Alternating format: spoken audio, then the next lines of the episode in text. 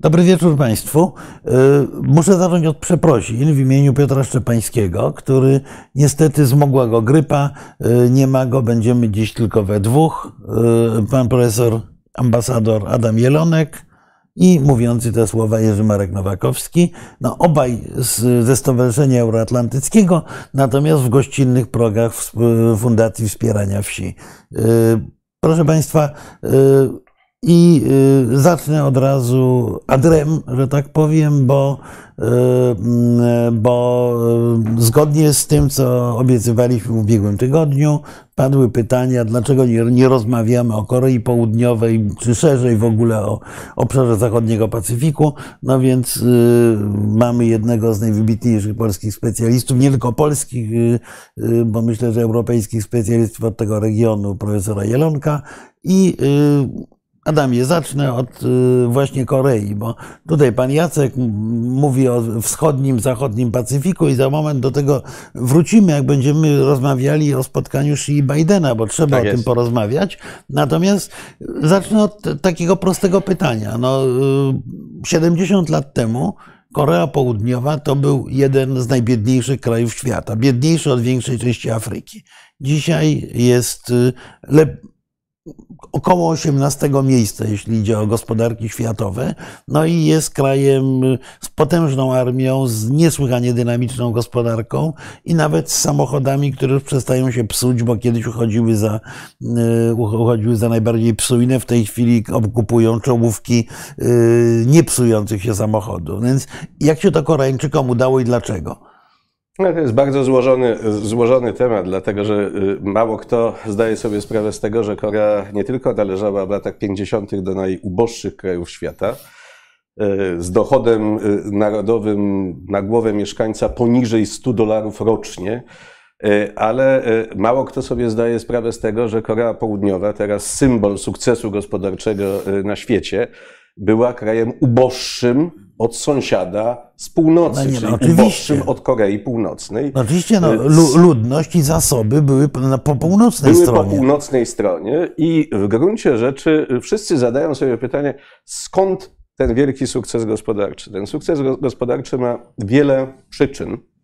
Oczywiście e, paradoksalnie tu jest e, sam początek sukcesu gospodarczego Korei zaczął się e, dość wcześnie i Koreańczycy nie zawsze są bardzo szczęśliwi, żeby o tym początku sukcesu gospodarczego Korei mówić. Mianowicie do czasów II wojny światowej Korea znajdowała się pod okupacją japońską.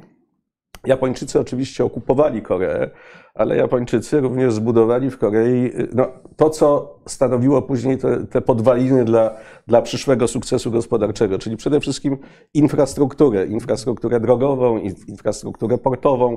I to był ten początek tak naprawdę startu Korei na y, y, tą szybką ścieżkę wzrostu.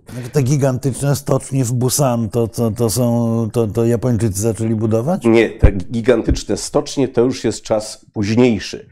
To jest czas znowu gospodarki, która dla nas się wydaje gospodarką y, przegraną od początku do końca, dlatego że y, Koreańczycy byli, to był kraj, i do pewnego stopnia jest to kraj, który opiera się na gospodarce planowej. Dla nas gospodarka planowa to była gospodarka, która y, generowała przede wszystkim niedobory gospodarcze.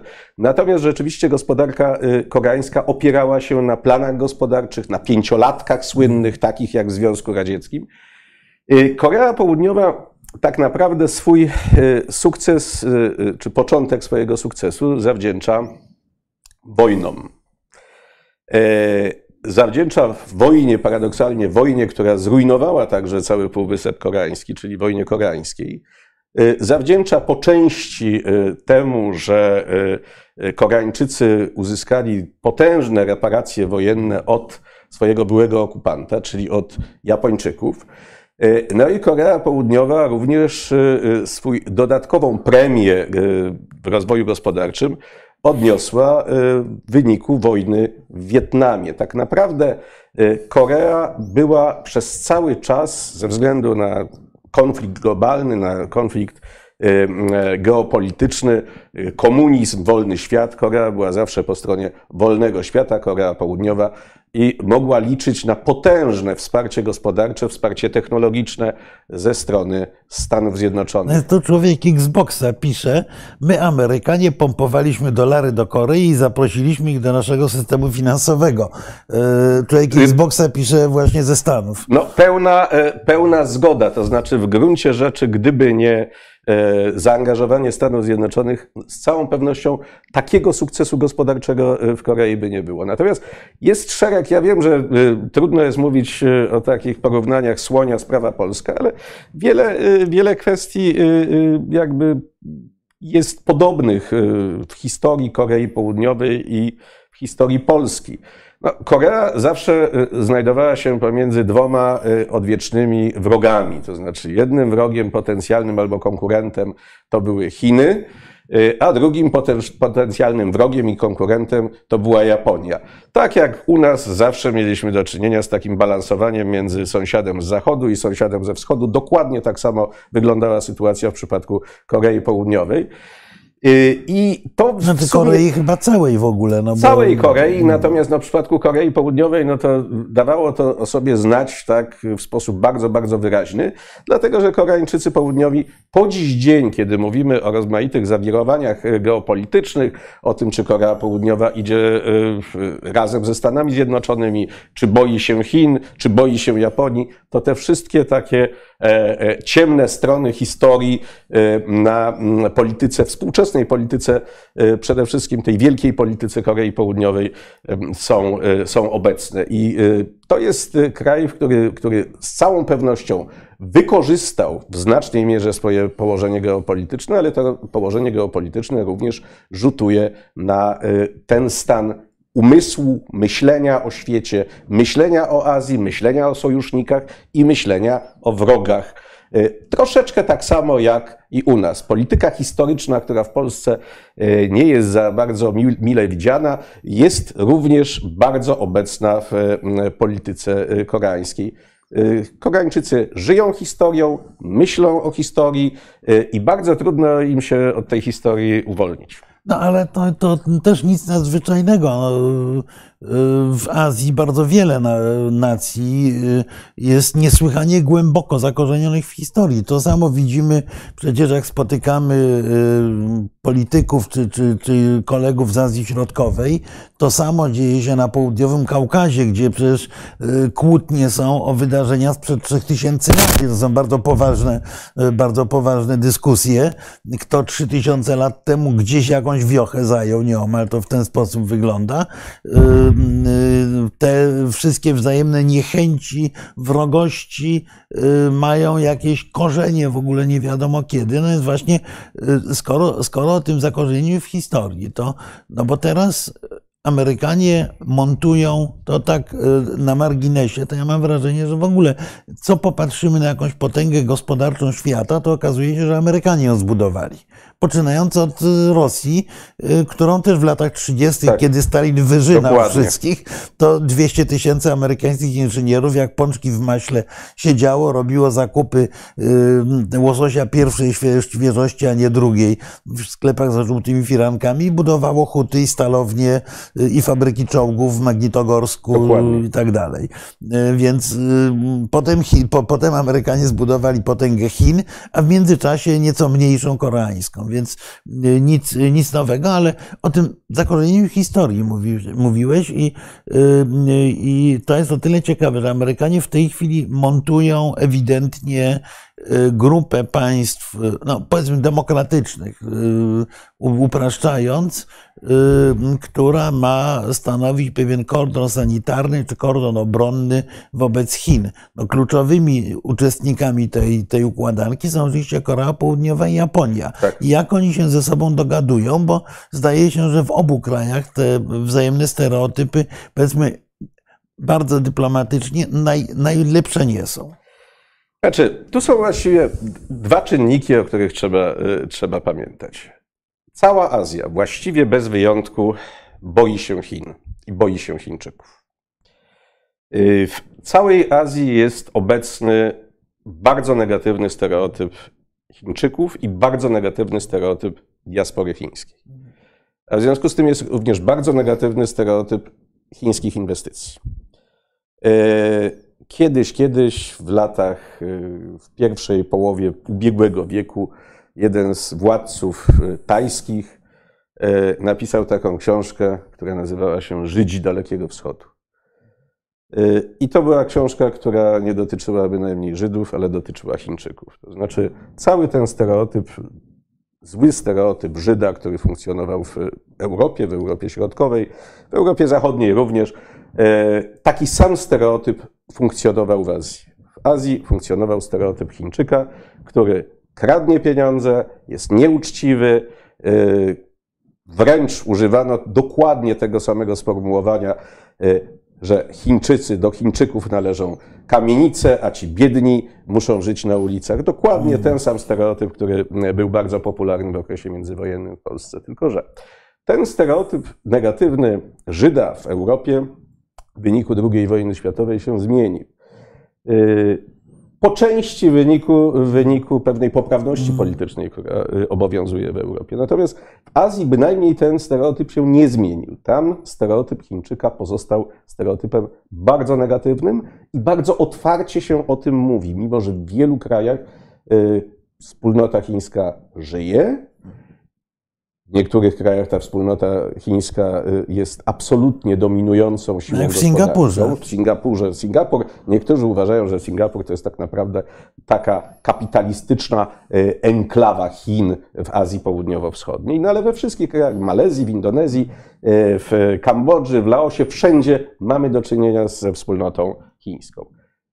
Pozostałe no ale w San Francisco kraje, też, gdzie, przepraszam. Ale, to, ale w Stanach Zjednoczonych czy w Europie nigdy nie było takiej sytuacji, że Chińczycy odgrywaliby zasadniczą absolutnie rolę w gospodarce. Natomiast rzeczywiście w Azji odbywają, odgrywają absolutnie zasadniczą rolę.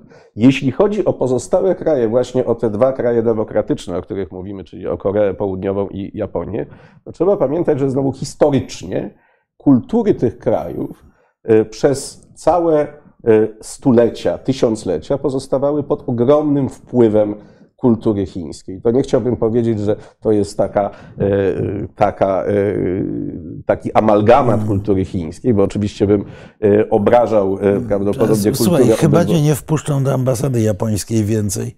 Może się okazać. Pozdrawiam ambasadora Japonii, jeśli słucha. Natomiast tu jest oczywiście problem taki, że Wszystkie kraje próbują się jakoś oderwać za wszelką cenę od tego, co chińskie, ale z drugiej strony wszystkie te kraje zdają sobie sprawę z tego, że Chińczycy są potęgą gospodarczą i znowuż z jednej strony tych inwestycji chińskich nie chcą, nie kochają, uważają, że stanowi ona dla nich zagrożenie, zagrożenie dla ich suwerenności. To jest bardzo często powtarzany, powtarzana teza. Natomiast z drugiej strony, oczywiście, wszystkie te kraje o te inwestycje chińskie i o to zaangażowanie chińskie zabiegają. To jest pewnego rodzaju schizofrenia całej. Całej Ale zabieg, zabiegają yy, na ile? Bo w tej chwili yy, no zdecydowanie z Waszyngtonu, który jest parasolem bezpieczeństwa nad całym tym regionem, płyną takie sygnały, że no, może jednak należałoby trochę tą przyjaźń gospodarczą z Chinami ograniczyć. Znaczy, sygnał z Waszyngtonu taki jest wysyłany przez ostatnich przynajmniej 20 lat już tak naprawdę, że powinno się ograniczać przyjaźń z Chinami, że Chiny stanowią zagrożenie. Amerykanie grają troszeczkę tą kartą lęków antychińskich w Azji Wschodniej, a zwłaszcza w Azji Południowo-Wschodniej. Ale też trzeba pamiętać, że doszło do takich kilku momentów. Ja zawsze przypominam ten jeden moment z całkiem niedawnej historii, historii relacji chińsko-azjatycko-amerykańskich, kiedy to Amerykanie zaczęli budować taki wielki związek gospodarczy, który miał być wymierzony tak naprawdę przeciwko dominacji chińskiej. To było tak zwane partnerstwo transpacyficzne, które miało połączyć taką szeroką platformą kraje, wszystkie kraje Azji, ale też Ameryki Łacińskiej, Ameryki Północnej i zbudować jedną wielką platformę gospodarczą, która miała stanowić przeciwwagę dla dominacji chińskiej. To był projekt budowany, wieńczony pewnym sukcesem jeszcze za prezydentury Obamy. Natomiast trzeba pamiętać, że z różnych przyczyn, tu nie będę za bardzo wchodził w argumenty za i przeciw, z różnych przyczyn Trump, prezydent no, na, Trump na, dzień dobry to tak, wywalił to. Wywalił się, odrzucił ten cały, cały projekt. No i trzeba pamiętać, że znaczna część krajów Azji Wschodniej uznała, że Amerykanie ich po prostu zostawili samych sobie i zostawili na pastwę Chińczyków. No i tutaj prawda jest taka, że oczywiście o ile w takich publicznych enuncjacjach wielu polityków azjatyckich takim kluczowym politykiem azjatyckim, który zawsze występował przeciwko Chinom i wszystkiemu, co chińskie, był były premier Malezji, Mohammad Mahathir, znany skądinąd z nabycia od Polski jednego z największych kontraktów, czyli z nabycia od Polski czołgów PT-91M, to z jednej strony takie enuncjacje następują, a z drugiej strony jednak otwarcie na chińskie inwestycje, na, chińskie, na chińską współpracę pozostaje. Tu jest jeszcze o tyle ciekawa historia, że Chińczycy niekiedy inwestują w sposób bezpośredni i wtedy jest to bardzo często krytykowane. No ale trzeba pamiętać, że znaczna część firm chińskich w tym zglobalizowanym świecie to nie są firmy czysto chińskie, to są firmy, które funkcjonują za pośrednictwem Hongkongu, za pośrednictwem Makao, za pośrednictwem Tajwanu, który stanowi z jednej strony kraj frontowy i wrogi rzekomo Chinom ludowym, a z drugiej strony współpracujący w wielu materiach z Chinami kontynentalnymi, ale też wiele firm chińskich jest inkorporowanych, zakładanych poprzez spółki w Stanach Zjednoczonych i tak ten kapitał do Azji trafia. Natomiast no, jeśli chodzi o te dwa kraje kluczowe zupełnie, bo rzeczywiście Stany Zjednoczone całkiem niedawno próbując montować już nie tylko taką gospodarczą przeciwwagę dla, dla państw, dla tego państwa środka, dla Chin, zaczęły również bardzo silnie podkreślać konieczność zbudowania takiego sojuszu wojskowo-politycznego. I oczywiście tutaj do tego sojuszu wojskowo-politycznego zostały zaproszone rzeczywiście dwa państwa, czyli Korea Południowa i Japonia. Tradycyjnie podstawowi sojusznicy Stanów Zjednoczonych w tym regionie. No to proszę, trzeba powiedzieć, że Stany Zjednoczone wykonały wiele ruchów, ruchów dyplomatycznych, ruchów politycznych, żeby ten sojusz zaczął funkcjonować. Całkiem niedawno doszło za inicjatywą amerykańską do szczytu z udziałem władz koreańskich i władz japońskich, szczytu w Camp David. Skądinąd niektórzy mówili, że to jest takie nawiązanie do szczytu Camp David jeszcze sprzed lat, kiedy dokładnie tam doszło do, do porozumienia pomiędzy, pomiędzy Egiptem a, a, a Izraelem. No i wielu złośliwców wobec prezydenta Bidena mówiło, że to pokazuje, że pomiędzy Koreą Południową a Japonią dystans jest troszeczkę właśnie taki, jak dystans między Izraelem a Egiptem. Zbyt było to złośliwe, ale trzeba powiedzieć, że mimo, że obydwa kraje zadeklarowały po szczycie w Camp David, że będą przede wszystkim współpracowały ze Stanami Zjednoczonymi także w zakresie budowania tego kordonu antychińskiego, no to trzeba powiedzieć, że o ile same deklaracje polityków koreańskich i japońskich były bardzo proamerykańskie i bardzo antychińskie, to te deklaracje nie spotkały się bynajmniej z jakimś ogólnym entuzjazmem przede wszystkim w jednym kraju, czyli przede wszystkim w Korei Południowej, która to Korea Południowa w takim ogólnym odczuciu Koreańczyków ten projekt, czyli projekt budowania, budowania takiego kordonu antychińskiego, ma gdzieś tam w tle odrodzenie tego, co oni nazywają japońskim imperializmem. To słowo japoński imperializm jest nadal obecne w takiej publicznej retoryce Korei Południowej i trzeba pamiętać, że tak jak Chinom kiedyś, lat temu 10-15, nie udało się do końca rozegrać swojej układanki w Europie. Chińczycy uważali, że y, uda się im rozegrać napięcia pomiędzy Europą Wschodnią a Europą Zachodnią.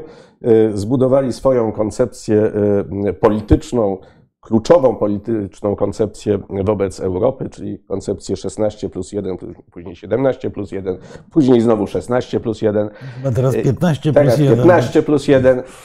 Natomiast Chińczycy uważali, że uda się rozegrać Europę Środkową przeciwko Stanom Zjednoczonym i Europie Zachodniej. Przede wszystkim właśnie rozsypać Europę na taki pucel, Na którym to- będą pojedyncze kawałki Na to wyciągać. liczyli, natomiast okazało się, że nie, oni nie docenili jednak tego, jak skomplikowana układanka y, interesów, sprzecznych interesów w Europie y, Środkowej jest obecna i tak samo troszeczkę wygląda to ze Stanami Zjednoczonymi. Stany Zjednoczone starają się poukładać tą układankę y, w Azji Wschodniej, w Azji Północno-Wschodniej. Tam jest łatwiej. A już w Azji Południowo-Wschodniej znacznie trudniej, ponieważ te napięcia pomiędzy poszczególnymi krajami, które łączy tylko jedna rzecz niechęć wobec Chin, te napięcia często są na tyle duże, że tym czynnikiem jednoczącym, którym jest wspólny wróg, y, ten czynnik jednoczący jest zbyt słaby.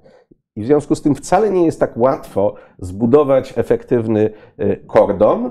No i w związku z tym, że coraz trudniej jest ten kordon zbudować, y, to Amerykanie zastanawiają się, no, co można tak naprawdę zrobić, żeby efektywnie równoważyć wpływy chińskie. Zwłaszcza, że polityka amerykańska, dyplomacja amerykańska, która wydaje nam się omnipotentna, fantastyczna, y, Amerykanie, którzy potrafią z pozycji siły zbudować właściwie wszystko, że Amerykanom tak naprawdę wiele się nie udało, bo nie chodzi tylko o układankę antychińską w, w Azji, ale chodzi też o układankę antychińską w innych rejonach świata. Okazuje się, że tutaj Chińczycy, o ile dość trudno jest im zbudować coś konstruktywnego, to znaczy silną e, opozycję wobec Stanów Zjednoczonych, e, to e, są całkiem niezłymi graczami, jeśli chodzi o destrukcję z kolei tych amerykańskich planów budowy koalicji antychińskiej. No ale, ale jednak mam wrażenie, że zarówno Seul, jak Tokio bardzo jasno powiedziały, że przyłączą się zbrojnie do obrony Tajwanu. Prawda? Y, To jest pewną nowością. Ale, ale może na chwilę, y, na chwilę y, przejdźmy do relacji, y, do relacji y, koreańsko-polskich, bo tutaj y, y, ktoś mi się nie chce to przesuwać, ale y, pa, pa, padło, y, padło pytanie pana Roberta Kasprzyka. Mam pytanie o potężny kredyt, jaki nasz rząd planuje zaciągnąć w Korei. Czy uważacie panowie, że to właściwa decyzja zaciągać tak duże zobowiązania? I y, drugie pytanie, y, czy nasze inwestycje zbrojeniowe, no to nie są inwestycje, są, są zakupy zbrojeniowe w Korei, mogą się posypać w przypadku ewentualnej agresji z północy na Koreę Południową? Y, Myślę, że to, że, że ta kwestia w ogóle Japonia i Korea są potęgami, jeśli idzie o produkcję zbrojeniową. I to produkcję własną w ogromnej części. Yy, Częściowo licencyjną amerykańską, ale raczej własną. Yy, Skąd to się bierze? No i, i rzeczywiście, jak, jak, jak wyglądają te zagrożenia? No bo ja nie znając się y, szczególnie na, na, na kwestiach tak zwanej zbrojeniówki, zawsze sobie zadaję pytanie, czy jest dobrym pomysłem kupowanie sprzętu, do którego części zamienne będą musiały opłynąć pół świata w razie wojny. Yy, No bo droga najkrótsza przez Rosję raczej nie wchodzi w grę, bo, bo tym potencjalnym agresorem jest najprawdopodobniej właśnie Rosja. Znaczy tutaj sprawa jest y, wyjątkowo skomplikowana, dlatego że po pierwsze, jeśli chodzi o kredyty, to trzeba pamiętać, że my nie y, zamierzamy zaciągnąć kredytów y, w Korei Południowej, bo część kredytów my już w Korei Południowej zaciągnęliśmy. Y, Tu problem jest o wiele głębszy, mianowicie y, kiedy zaczęliśmy, kiedy rząd Prawa i Sprawiedliwości zaczął rozważać kontynuację zakupów. Bo tutaj to są jakby dwa etapy. Znaczy, my dokonaliśmy y, wstępnych zakupów i podpisaliśmy umowy wykonawcze tak naprawdę na cztery rodzaje, na cztery rodzaje broni z Korei Południowej. To są słynne czołgi K2 Czarna Pantera. Jedne z najlepszych czołgów pod względem zaawansowania technologicznego na świecie. I chcę powiedzieć jedną rzecz, że trzeba pamiętać o tym, że taki argument, który się często pojawia, że powinniśmy kupować czołgi europejskie, to jest argument poniekąd słuszny z punktu widzenia takiego rozumowania, że powinniśmy budować jakąś wspólną europejską płaszczyznę technologiczno-obronną, za którą to Wspólną płaszczyzną już od lat stoją ponownie Stany Zjednoczone. One tak naprawdę y, namawiają główne kraje, głównych graczy y, gospodarczych przede wszystkim w Europie do tego, żeby taką wspólną płaszczyznę technologiczno-obronną tworzyć. Ale powinniśmy pamiętać też o tym, y, że pod względem zaawansowania technologicznego przede wszystkim, i to przykro to powiedzieć, to zaawansowanie technologiczne czy Korei Południowej, czy Japonii, to jest zaawansowanie, które jest pochodną w znacznej mierze zaawansowania technologicznego Stanów Zjednoczonych. Przepaść pomiędzy zaawansowaniem technologicznym branży zbrojeniowej Stanów Zjednoczonych i krajów NATO z Europy jest potężna. Jak ja słyszę czasem takie to piękne... Znaczy K2, K2 jest lepsze od Leoparda? Yy, to jest inna generacja czołgów. To jest w ogóle inna e, generacja czołgu. Trzeba pamiętać, że każdy czołg ma pewien e, potencjał modernizacyjny. E, tak jak pewien potencjał modernizacyjny miał czołg T-72, postradziecki, który próbowaliśmy w Polsce w różny sposób modernizować, on do pewnego momentu daje się modernizować, później jest koniec. Dalej się nie da już w żaden sposób tego, tej platformy zmodernizować. Dlatego, że to są zupełnie inne rozwiązania z, e, związane z, e, z, ze sterowaniem ogniem, z pancerzem, z relacją pomiędzy wieżyczką czołgu a tak zwaną platformą. I w gruncie rzeczy to wymaga zbudowania całkowicie nowej koncepcji i rzeczywiście Czarna Pantera jest tego typu y, czołgiem.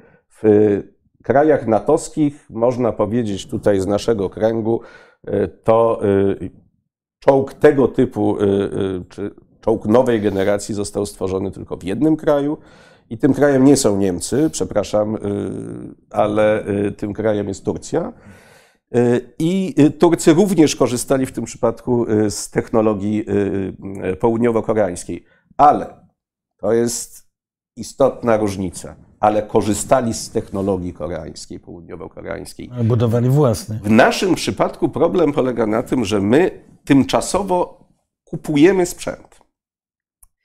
I w ramach tego kupowania sprzętu my mamy obietnicę od Koreańczyków, w przypadku y, trzech y, y, typów broni, czyli czołgów K2 Czarna Pantera, w przypadku haubic K9 Thunder i w przypadku wyrzutni wieloprowadnicowych mamy obietnicę, że one zostaną spolonizowane. To znaczy, że w gruncie rzeczy w przyszłości będziemy ten sprzęt produkować w znacznej mierze w Polsce. Ale tak naprawdę K9 przecież jest produkowane w Polsce, no bo krab jest y, y, w dużej części licencyjnym produktem koreańskim. Tak, no, na, ale... Nawet wieża, która jest niby brytyjska, też jest tak naprawdę koreańska, tylko yy, przyjechała tak, z Korei tylko, via Wielka Brytania. Że w przypadku haubic K9 tu pojawił się jeden właśnie problem, to znaczy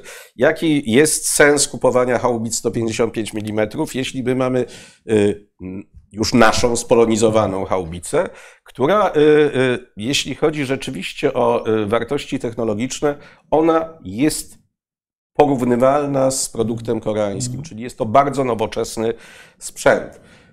Od razu powiem, jakie argumenty po polskiej stronie były używane w przypadku, y, w przypadku zakupu haubic K9.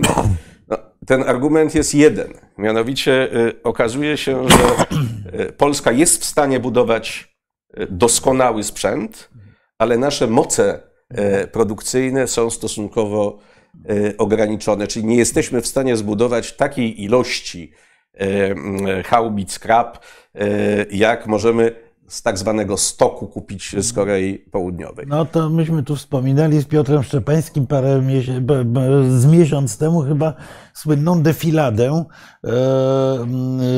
3, 3, 3 maja 1939 e, roku, kiedy wszystkim oczy wychodziły, jak świetny polski sprzęt na tej defiladzie jest. Tylko był w ilościach aptecznych, tak. E, a nie produkowany masowo. No i tu jest y, pewien problem, mianowicie my mamy stosunkowo niewielkie moce y, produkcyjne. No i wszyscy mają pewną nadzieję, y, i to jest ta nadzieja, która przyświecała, bo nie chciałbym tu tłumaczyć decyzji, decyzji politycznych, tak naprawdę, związanych z zakupem sprzętu. Chcę powiedzieć, że problem polegał generalnie na tym, że jeśli chcielibyśmy kupować sprzęt w tej chwili, Y, to tego sprzętu na rynkach międzynarodowych jest stosunkowo mało. Y, I Korea Południowa jest jednym z nielicznych wyjątków, który taki sprzęt ma i ma potężne moce produkcyjne, dlatego że Korea Południowa cały czas się zbroi. Y, to jest jeden z najlepiej uzbrojonych E, krajów na świecie, no, szósta armia pod względem wielkości na świecie, jedna z najnowocześniejszych armii na świecie. E, oni się cały czas zbroją, w związku z tym mają potężne rezerwy uzbrojenia. My tych rezerw uzbrojenia nie mamy. To, za, co mieliśmy, to już jest na Ukrainie. Znaczy, za tym również, żeby zacząć, zacząć kupować tak zwane stokowe, stokowe materiały uzbrojenia, czyli takie, które są gotowe, które można od razu nabyć w stosunkowo krótkim okresie czasu. Za tym przemawiało przede wszystkim również to, że przekazaliśmy znaczną część sprzętu polskiego. Powiedzmy sobie całkiem szczerze, sprzętu, który w krótkim czasie, ogromnej większości, musiałby i tak zostać E, e, zostać zezłomowany, mówiąc całkiem, całkiem otwartym tekstem. E, ale przekazaliśmy ten sprzęt Ukrainie i nagle okazało się, że mamy no pewne potężne dziury, których nie ma gdzie zapełnić, dlatego że tego sprzętu, który można kupić od razu, nie ma. To nie jest tak, że my możemy kupić nawet tańszy czołg niemiecki, czyli możemy kupić Leoparda, E, nie możemy go. No to nie, możemy kupić promysę na Leoparda Moż... i dostać go za 6 lat. Możemy kupić go dopiero za dłuższy okres czasu, dlatego że trzeba pamiętać o tym, że armia niemiecka jest jedną z najbardziej rozbrojonych armii w Europie. E, rzeczywiście Niemcy w tej chwili podjęli e, trud odbudowy zbrojeniówki. odbudowy zbrojeniówki, ale to jest dalej zbrojeniówka, która jest bardzo, bardzo słaba. Ja chciałbym zwrócić uwagę na taki fakt, że jak tutaj się y, często mówi, że jeśli byłby atak y, na Polskę, wykorzystywalibyśmy to głębokie zaplecze odwodów niemieckich, to niech Państwo pamiętają o tym, że armia niemiecka jest od armii polskiej już dzisiaj słabsza. Y, to armia polska akurat nawet w tym momencie jest armią, y, armią silniejszą. Y, jeśli te zakupy zostaną zrealizowane, to oczywiście będziemy mieli prawdopodobnie do czynienia z najsilniejszą armią w Europie w ogóle. Znaczy, no najsilniejszą, jeśli idzie o uzbrojenie, bo tutaj słusznie zauważają nasi widzowie, że no jest równie, nie, nie jest tylko kwestia uzbrojenia, kwestia tego, czy mamy kadry przeszkolone do obsługi i rezerwy do tego. Y, nie mamy. No właśnie. Nie mamy. Mhm. Mało tego, na pytanie dotyczące tych kredytów, no to ja, ja odpowiadam dość przewrotnie, bo to jest tak. My kredyt za, zaciągnęliśmy już w Korei Południowej. Teraz y, całkiem niedawno, y, mniej więcej miesiąc temu, pojawił się inny kłopot. Mianowicie Polska rzeczywiście wystąpiła o kolejne transze kredytowe do y, rządu koreańskiego. I okazało się, że rząd koreański nie jest w stanie nam tych transz kredytowych zapewnić. To znaczy, teraz toczą się rozmowy pomiędzy rządem koreańskim a konsorcjum pięciu banków komercyjnych w Korei Południowej, Y, żeby w ogóle Korea była w stanie y, sfinansować ten potężny zupełnie, zupełnie kredyt. Ja zwracam uwagę, że w tej chwili Korea Południowa staje się jednym z czołowych zupełnie eksporterów broni, a dzieje się to między innymi za sprawą Polski, która jest jednym z czołowych nabywców broni na świecie. Ale, ale z kolei no, zakup uzbrojenia koreańskiego przez Polskę ma pewną wartość reklamową. No, umówmy się, że tak jak e, jakiś celebryta telewizyjny dostaje nowy model samochodu do użytkowania albo kupuje go za pół ceny, no to my jako kraj natowski nagle wprowadzamy w krąg uzbrojenia natowskiego potężne y, zakupy koreańskie. Dla Korei jest to y, interes, ponieważ to oznacza, że gdzieś w kręgu natowskich planistów, niekoniecznie oczywiście francuskich czy niemieckich, ale już nie jestem pewien, czy nie czeskich, pojawia się pytanie, czy nie byłoby dobrze kupić tego sprzętu koreańskiego. Czy tu z tym sprzętem koreańskim jest, y, y, tu są dwa, y, dwie słabe, dwa słabe punkty sprzętu koreańskiego. Pierwszy słaby punkt odnoszący się do sprzętu koreańskiego jest taki, że no rzeczywiście Polska realizując zakupy stokowe kupuje właściwie wszystko, co jest i nagle okaże się prawdopodobnie, że będziemy mieli, już w tej chwili będziemy mieli przynajmniej trzy e, trzy wersje czołgu podstawowego w Polsce, co jest oczywiście dość nie tylko ryzykowne pod względem taktycznym, pod względem wyszkolenia żołnierzy, ale jest potwornie kosztowne. To znaczy posiadanie wielu wersji czołgu podstawowego powoduje, że koszty jego utrzymania, koszty jego serwisowania, koszty budowy zaplecza remontowego robią się bardzo, bardzo wysokie. Drugi element, który jest elementem słabym, to trzeba pamiętać o tym, że Polska posiada wciąż przemysł zbrojeniowy. Ten przemysł zbrojeniowy jest w większości przypadków dość, delikatnie mówiąc, dość słaby. Polska zbrojeniówka jest wielu, to jest taka zbrojeniówka troszeczkę wyspowa, tak jak, przepraszam, w krajach trzeciego świata. To znaczy, my mamy kilka rodzajów broni, które są doskonałe albo które są bardzo zaawansowane. Y, no i mamy generalnie znaczną część zakładów zbrojeniowych, które y, dalej pod względem technologicznym poruszają się w latach 70. albo 80. ubiegłego stulecia, czyli są to muzea, są to zakłady muzealne. Problem jest taki, że w przypadku zakupów w Korei Południowej rząd właściwie Y, dość frywolnie podszedł do sprawy offsetu i do sprawy y, inwestycji koreańskich w polski przemysł zbrojeniowy. Tam cały czas mówi się o y, polonizacji tego sprzętu, ale zwracam uwagę, że póki co to w przypadku, w przypadku większości tych kategorii sprzętowych to my mamy właściwie śladowe zaangażowanie polskiej, polskiej myśli technologiczny i to jest sprzęt tak naprawdę, który, w którym umowy wykonawcze nie przewidują, że powiedzmy za dwa lata rozpoczynamy produkcję już polskich, polskich odpowiedników. No i to jest oczywiście poważny kłopot, dlatego że te polskie zakłady zbrojeniowe czy tego chcemy, czy nie tego nie chcemy. One dalej będą musiały, e, musiały funkcjonować. No, ale nie tylko one będą musiały funkcjonować. Wiesz, ja tutaj na samym początku padło to pytanie o kredyty. Więc mam wrażenie, że zakup sprzętu to jest tak naprawdę jedna trzecia wydatków związanych z tym sprzętem, bo go trzeba serwisować, bo go trzeba modernizować, bo, go, bo, bo, bo trzeba wyszkolić y, i w ogóle linię szkoleniową przygotować tak. dla obsługi, to wszystko kosztuje tak naprawdę więcej niż ten sprzęt. Znaczy to jest, to szacuje się, że jest to od jednej trzeciej zakup sprzętu, mm, czyli tak. hardware'u takiego, jest od jednej trzeciej do połowy mm. kosztów kontraktu. W związku z tym y, powinniśmy pamiętać, że y, te wydatki na, na uzbrojenie, także koreańskie, ale mówię także koreańskie.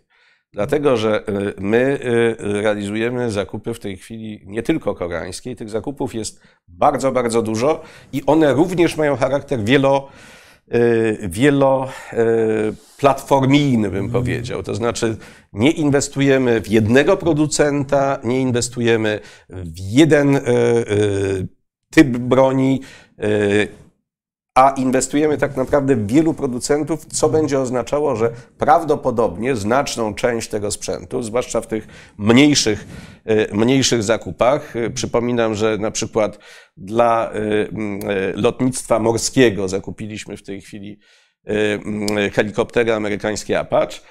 Ale, ale w wersji tak mocno zubożonej. W wersji mocno zubożonej, ale to jest znowu kolejny zakup, który poszerza jakby tą tak. liczbę potencjalnych potencjalnych producentów, z których będziemy korzystali i gdzieś ten sprzęt... Ale jak to super wygląda na defiladzie. Przelatują trzy takie, trzy takie, trzy tak, takie. to znaczy różnorodność jest piękna, wygląda to cudownie, natomiast y, koszty tego y, przedsięwzięcia są absolutnie y, kosmiczne. Mało tego, no, powiem tak, o ile w ubiegłym roku jeszcze ten entuzjazm po stronie polskiej, ale też po stronie koreańskiej co do tych polskich zakupów był potężny, to w tej chwili sami Koreańczycy zaczynają się zastanawiać, y, w jaki sposób chociażby będzie można y, dokonywać owej, owej polonizacji sprzętu. A tutaj pan Jack Jay zadaje dwa pytania istotne, że w Polsce mówią o polonizacji, a nie w Korei. Otóż chyba nieprawda. Chyba w Korei też mówią o tej polonizacji, no mówią. bo a drugie, y, drugie pytanie, że amunicja, y, nie, że ta broń nie używa amunicji natowskiej, co chyba jest nieprawdą. To, y, to nie jest do końca, do końca tak.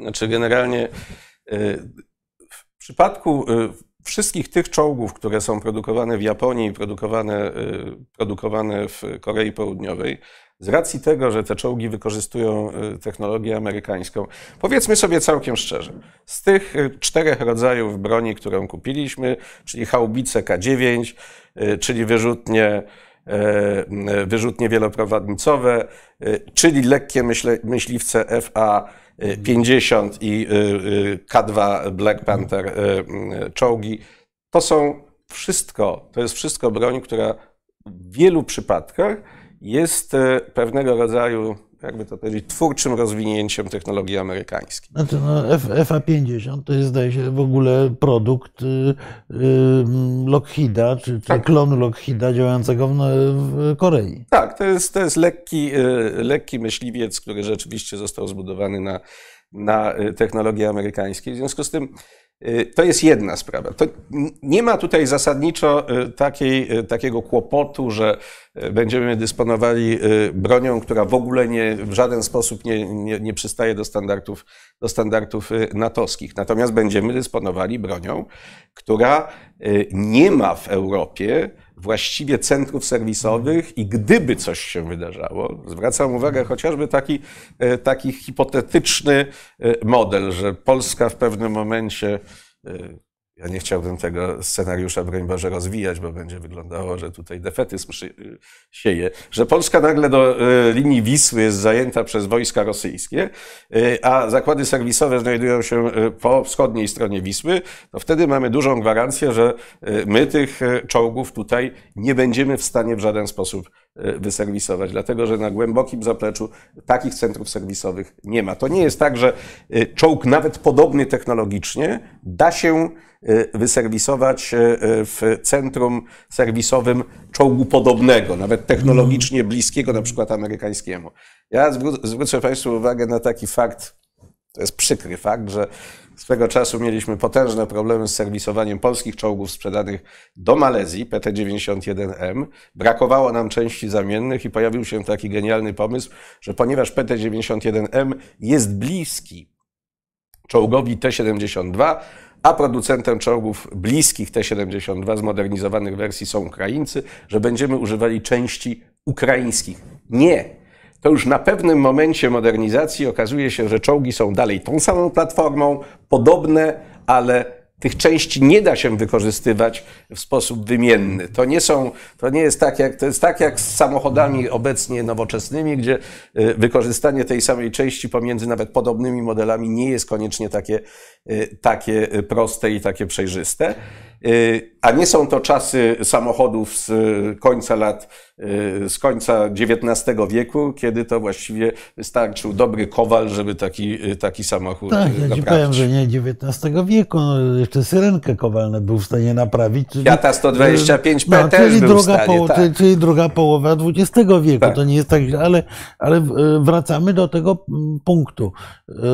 Tu zresztą padło ciekawe pytanie, nie wiem, więc też chętnie, chę- chętnie się od ciebie dowiem, bo padło pytanie, że Japonia nie eksportuje swojego uzbrojenia, bo Japończycy produkują też bardzo nowoczesne, bardzo porządne uzbrojenie.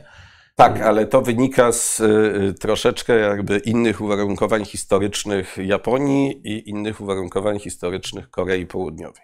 Trzeba pamiętać o tym, że y, do niedawna e, doktryna obronna Japonii troszeczkę znowu politycznie, y, politycznie kształtowana, mówiła o tym, że Japonia nie posiada armii. Mm. Y, Japonia posiadała wyłącznie siły Siły samoobrony. samoobrony, w związku z tym y, i cały czas w tej doktrynie obronnej Japonii mówiono, że są to siły samoobrony, w związku z tym Japonia nie będzie inwestowała w rozbudowę sektora zbrojeniowego i nie będzie y, inwestowała wcześniej jeszcze w tak zwaną broń ofensywną. Oczywiście to była y, zasłona dymna, y, inwestowała, rozwijała Tak. myśl Tak, technologiczną. bo oni robią myśliwce czwartej generacji, które w nomenklaturze nazywają się rozwiniętą pałką policyjną. Tak, no można, no właśnie dokładnie do tego to prowadzi. Ale w przypadku Korei Południowej tak nie było. Korea Południowa, y, w związku z tym, że Korea Południowa jest de facto w stanie wojny y, ze swoim północnym sąsiadem, w związku z tym I Korea, de jure też. de jure też. W związku z tym y, nie ma, tutaj nie było żadnych y, mm, przeciwwskazań do tego, żeby mówić otwarcie o tym, że Korea Południowa rozwija przemysł zbrojeniowy i nie było też żadnych przeciwwskazań do tego, żeby Korea Południowa budowała rezerwy arsenałowe. Bo to, co, z czego my w tej chwili jesteśmy w stanie korzystać, to są rezerwy y, arsenałowe. W przypadku Japonii y, ta, ten przełom y, z rozbudową, gwałtowną rozbudową sektora zbrojeniowego, on nastąpił stosunkowo późno i dlatego rzeczywiście Japonia nie stanowi jeszcze takiego rynku poważnego gracza wśród dostawców uzbrojenia na rynki międzynarodowe. Korea Południowa jest od przynajmniej kilkudziesięciu lat tak naprawdę wschodzącym rynkiem dostaw y, różnego poziomu y, broni i uzbrojenia. W tej chwili rzeczywiście no, Polska należy do jednych z czołowych, y, z czołowych krajów, które odbierają to uzbrojenie koreańskie. Ale ja chciałbym zwrócić uwagę tutaj na inny fakt, na który Marku, ty zwróciłeś również uwagę, mianowicie to jest prawda, że dla przemysłu, dla koreańskiego przemysłu zbrojeniowego Polska jest e, takim oknem na e, Europę. E, I tu się pojawiła cała masa rozmaitych spiskowych teorii dotyczących tego, dlaczego tak się stało.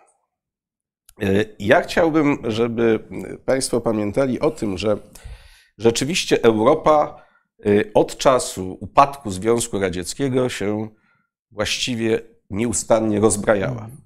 Polska również. Tak, no przykład. Niemcy w momencie e, upadku muru mieli 86 baterii patriotów. Teraz mają 12. Tak. Europa się rozbrajała. Swoją drogą, gdzie oni, gdzie oni sprzedali tą resztę?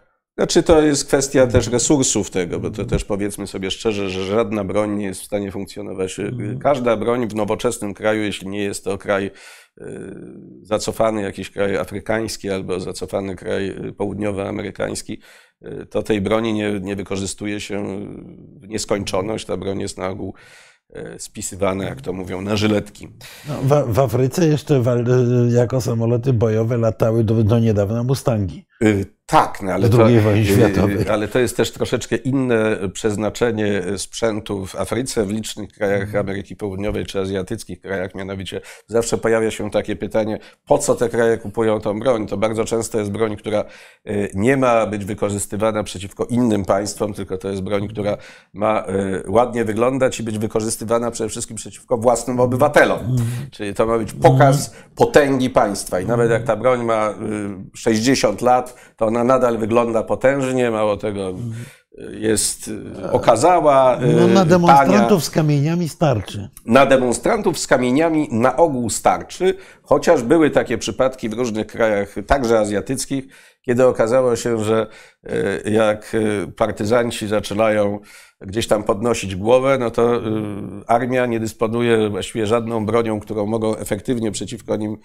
wysłać, no bo dysponuje na przykład względnie nowoczesnymi myśliwcami bombardującymi, y, gdzie y, zabicie jednego partyzanta kosztuje zawrotną sumę 150 czy 200 tysięcy dolarów, bo tyle jedna rakieta kosztuje. Ale, ale tego dowodzi tak naprawdę również wojna w Rosji przeciwko Ukrainie przecież. Tak. do, do, dokładnie to jest to, że e, bardzo nowoczesny i bardzo drogi sprzęt ukraiński Rosjanie e, neutralizują, wysyłając roje jakichś groszowych dronów, Dronów, tak. e, do, do których oni muszą strzelać rakietami, które są warte tyle, co cały ten rój, albo więcej. Znaczy, i tu jest właśnie y, dodatkowy element całej, y, całej sprawy, mianowicie my kupiliśmy pewien sprzęt, y, koreański sprzęt. y, I pytanie jest, czy y, nasze zakupy w ogóle mają jakikolwiek sens? Dlatego, że y, y, ja mam wrażenie takie, że my kupujemy właściwie wszystko, co y, możliwe. My się zachowujemy trochę tak jak małe dziecko, co wpadło do supermarketu i wrzuca do, do, do Tak. koszyka, co zobaczy. To ma ładne opakowanie. Pytanie od pana Tiago Alcantary dotyczące y, różnic Tak, no w- tutaj. terenowych. Mhm. To jest tak, że y, jeśli chodzi o y, y, sprzęt y, czołgowy, czyli czołg podstawowy, y, te czołgi podstawowe, czyli, y, czyli y, K2 y, koreańskie, to y, są czołgi, które y, mają. y, Oczywiście one są y, zbudowane z myślą o, y, o teatrze y, wojennym y, Korei Południowej, ale nie jest to do tego stopnia czołg odbiegający standardami, y, żeby nie dało go się wykorzystywać w Polsce. Zwracam natomiast uwagę, że w ogóle kwestia wykorzystywania czołgów y, y, czy koreańskich, czy wcześniej nabytych czołgów podstawowych y, amerykańskich, czyli czołgów Abrams, jest y, y, mm, jakby nie do końca skorelowana z polską myślą y, obronną, dlatego że to jest, to jest troszeczkę postawienie sprawy na głowie. Posiadanie bardzo potężnego arsenału czołgowego nie zakłada obrony defensywnej, tylko tak zwaną obronę zaczepną. Obrona zaczepna ma polegać na tym, że te czołgi powinny być wykorzystywane nie po to, żeby bronić polskiego terytorium, tylko żeby atakować e, terytorium, przepraszam za szczerość, Białorusi e, w celu e, przeciwdziałania potencjalnemu atakowi rosyjskiemu. No i tu pojawia się ogólny kłopot, mianowicie kłopot dotyczący wy, jakby dostosowania czołgów, czy Abrams, czy czołgów e, m, K2 Black Panther do tego teatru, teatru działań. E, No i zwracam uwagę również, że e, czołgi bez funkcjonowania w, w ramach, ale czołgi tak samo jak, e, jak haubice, jak samobieżne wyrzutnie wieloprowadnicowe, one muszą funkcjonować w ramach pewnego systemu. Ten system w Polsce rodzi się troszeczkę w taki sposób, że my kupujemy broń i właściwie chyba pod tą kupowaną broń staramy się zbudować pewną doktrynę obronną. Natomiast e, powinno być tak naprawdę odwrotnie. Znaczy, my powinniśmy mieć jasno zarysowaną doktrynę obronną i pod tą doktrynę obronną kupować pewien system obronny. To znaczy, e, sam czołg, zwracam uwagę, jeden z najnowocześniejszych czołgów e, czwartej generacji, czołg izraelski, Marhawa, tak. całkiem niedawno został. Tak, taki, ta, taki dron z supermarketu. Tak, przyleciał. za pomocą drona zabawki został zniszczony. Szczerze mówiąc, oglądałem, oglądałem to wideo wielokrotnie, zastanawiając się, czy może jest to fake. Natomiast to nie był fake i to rzeczywiście pokazuje, że funkcjonowanie czołgu... Ale ta Merkawa nie była przypadkiem, po prostu nie stała bez załogi, bo, bo taki... Ale to nie ma... To, wiesz, to nie ma tak naprawdę znaczenia. To świadczy o tym, że jeśli nie mamy systemu, czyli nie mamy systemów y, y, oddziaływania czołg, helikoptery, y, satelity, no, samoloty, to jest system, który jest połączony. W momencie, to, jak go nie tego, ma. To udowadnia front ukraiński przecież, tak. gdzie połowę leopardów już wystrzelali, między innymi dlatego, że właśnie y, pojechały, powiedziałbym, gołe tak. na front. Znaczy, wysyłanie czołgów, y, w ogóle generalnie y, teatr ukraiński dla wielu takich ekspertów uzbrojenia pokazuje, że no, niestety prawdopodobnie Czołgi to jest, to jest broń, która, która coraz, która oczywiście bardzo liczy się na, na, w teatrze działań, działań wojennych, ale czołgi to jest broń, która jest coraz bardziej zależna od otoczenia. Bez tego otoczenia jest to po prostu bardzo kosztowna broń, której utrata powoduje również potężne wyrwy budżetowe. E, tak, to tutaj e, pan Groszek zadał pytanie e, wcześniej istotne, mianowicie jak by wyglądała dostawa części zamiennych, serwisu Bóg wie czego z Korei w sytuacji, gdyby no na przykład wybucha wojna o charakterze globalnym i, no i co, co, co wtedy robimy? No bo to jest jeden z głównych zarzutów wobec sprzętu To jest jeden z głównych zarzutów, ale chcę powiedzieć e, tyle, że e, to jest zarzut e, nie do końca poprawnie skonstruowany.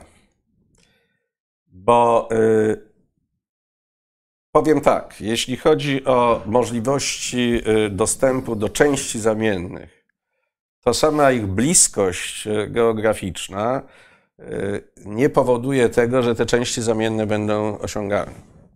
Znaczy to, że będziemy dysponowali e, niemieckim leopardem, zwracam uwagę, że z tym niemieckim leopardem to jest sprawa o wiele bardziej złożona. Ja do tej spiskowej teorii za chwilę powrócę. To wcale nie oznacza, że Niemcy będą w stanie dostarczyć te części zamienne. To nie, to nie jest tak, że w przypadku konfliktu będziemy mieli do czynienia z pewnością dostępu do części zamiennych także tu na naszym teatrze.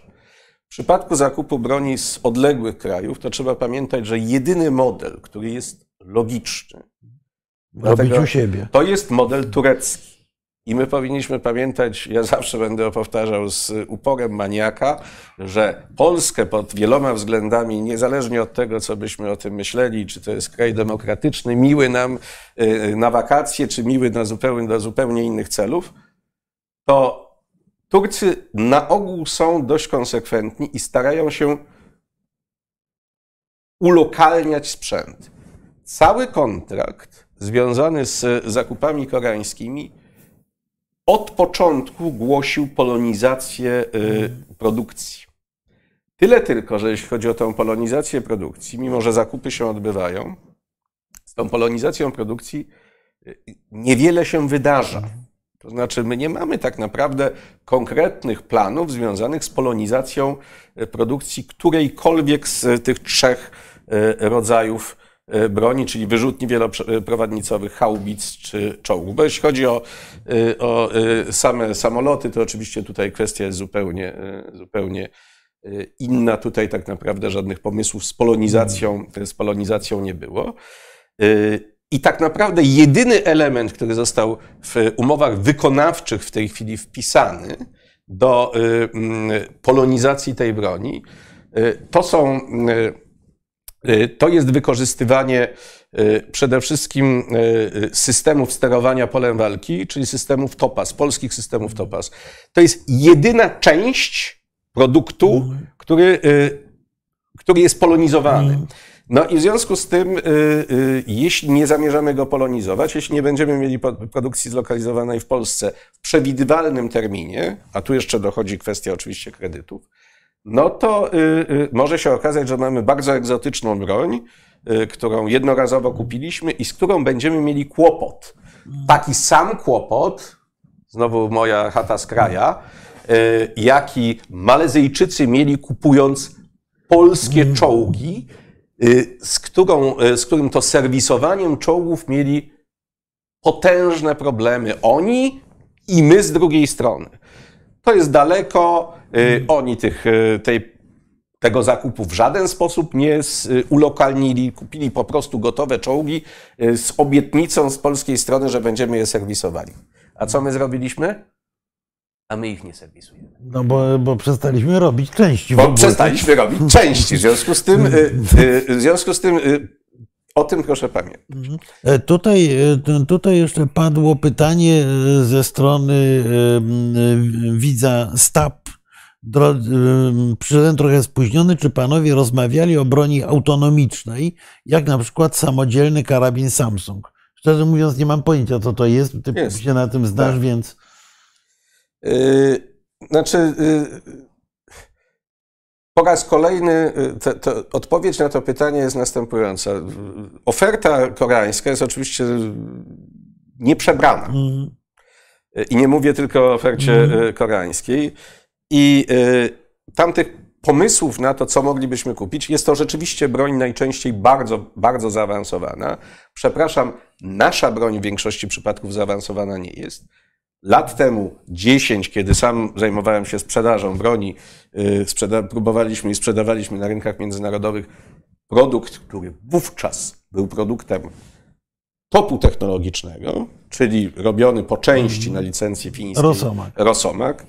Y, I trzeba pamiętać, że ponieważ bardzo dużo zmienia się na tym rynku. Ten Rosomak, y, o ile 10 lat temu to, była, to był top excellence, to w tej chwili to jest już transporter, który y, w tych rankingach spada bardzo, bardzo, bardzo nisko. I rzeczywiście myśli się o nowych, y, o nowych wersjach. Oczywiście również o takich wers takie wersje moglibyśmy nabywać chociażby w Korei, ale problem jest taki, że ja dalej nie do końca rozumiem, idei tych zakupów. To znaczy, dla mnie te zakupy są zakupami robionymi, no właśnie tak jak, y, y, jak zakupy zabawek przez dziecko y, w okresie świątecznym w hipermarkecie.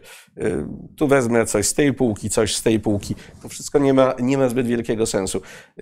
W Polsce musi być pewna sekwencja działań i pewna myśl dotycząca tego, jak ma to działać, e, czy pomagać rozwojowi polskiego przemysłu zbrojeniowego, bo inaczej będziemy mieli do czynienia z taką sytuacją, że zakupimy broń, będziemy musieli utrzymywać nasz przemysł zbrojeniowy, bo my go nie zamkniemy.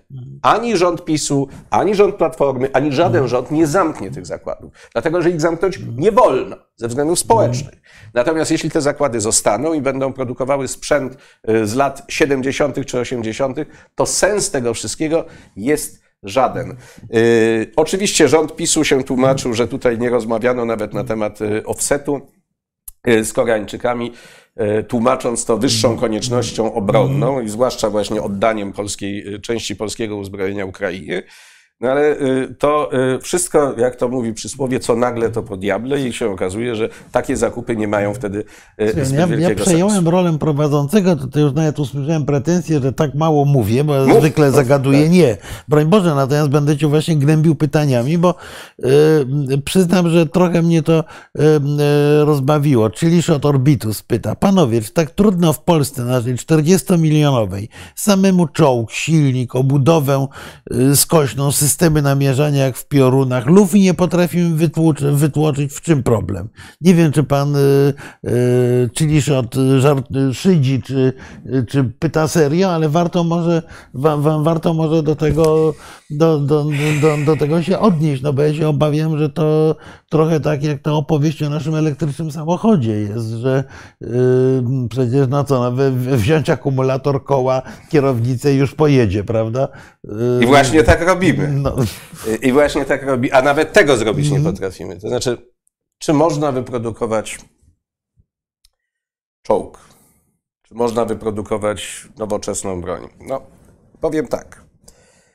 Yy, można, i to jest całkiem serio moja odpowiedź, można, yy, ale takich krajów, które od początku do końca produkują zaawansowaną broń same, takich krajów Dwa.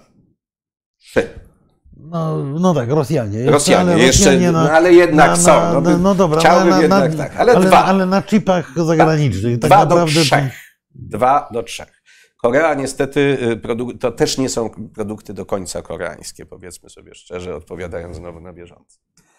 Y, I w przypadku większości produktów wygląda to w ten sposób, y, mniej więcej od czołgów trzeciej generacji już i od transporterów trzeciej generacji, że całość jest z grubsza podzielona na dwie części. To znaczy jest platforma i wieża. Y, I bardzo często są to bardzo, y, bardzo y, egzotyczne współprace. Na przykład specjalizacje do produkcji platform do transporterów opancerzonych. Jednym z krajów, który jest wyspecjalizowany w tym, jest właśnie Turcja.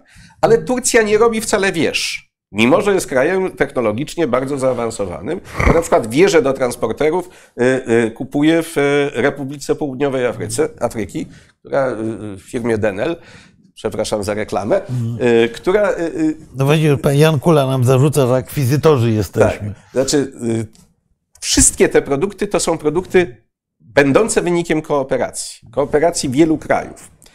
I teraz chciałbym się odnieść do pewnej spiskowej teorii. I ona jest spiskowa, także proszę nie cytować, zwłaszcza do braci amerykańskich.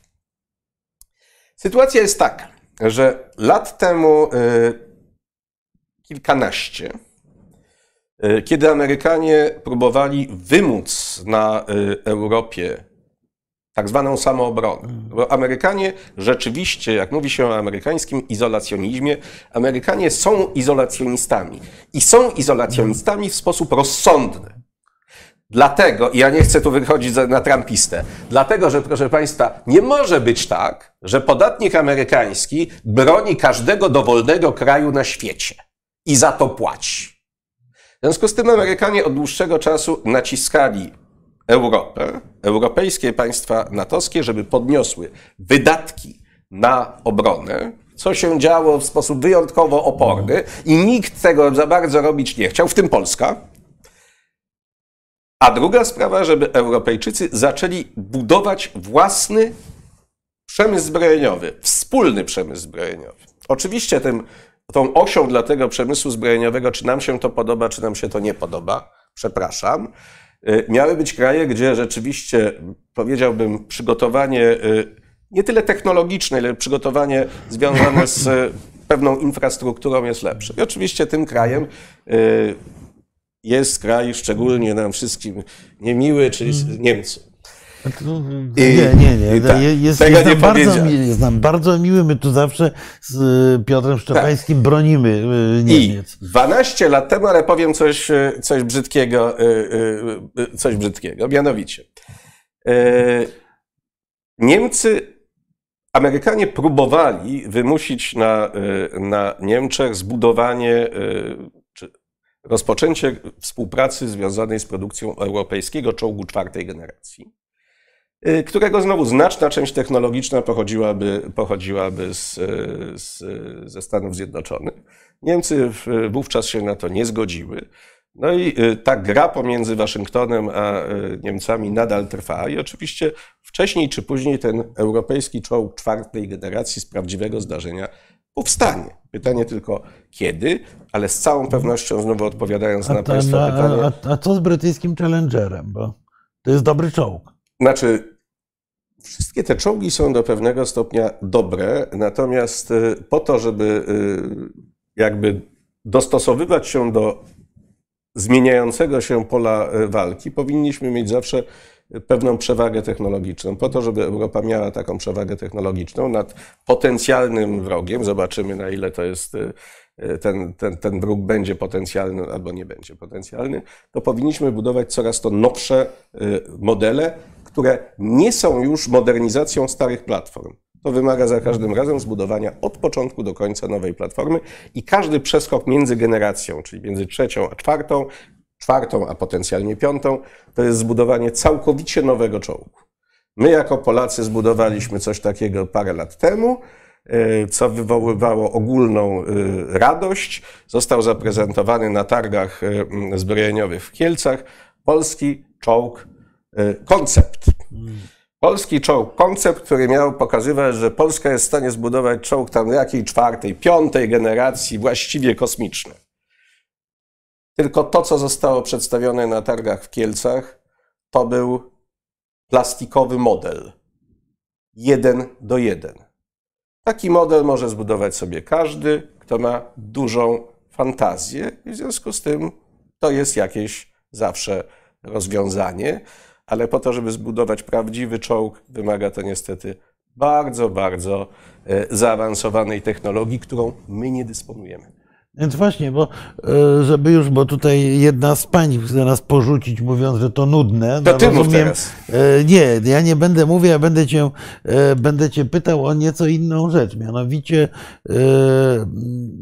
jakoś tam powiązaną z tym, bo ten sukces zbrojeniówki koreańskiej, czy ona jest dobra, czy nie, tutaj zarzucają, za, za, zarzucał tam jeden z widzów, że to reklama, okej, okay, ale ten oczywisty sukces, bo nie eksportują do, dużo tej broni w różne miejsca i produkują jeszcze więcej.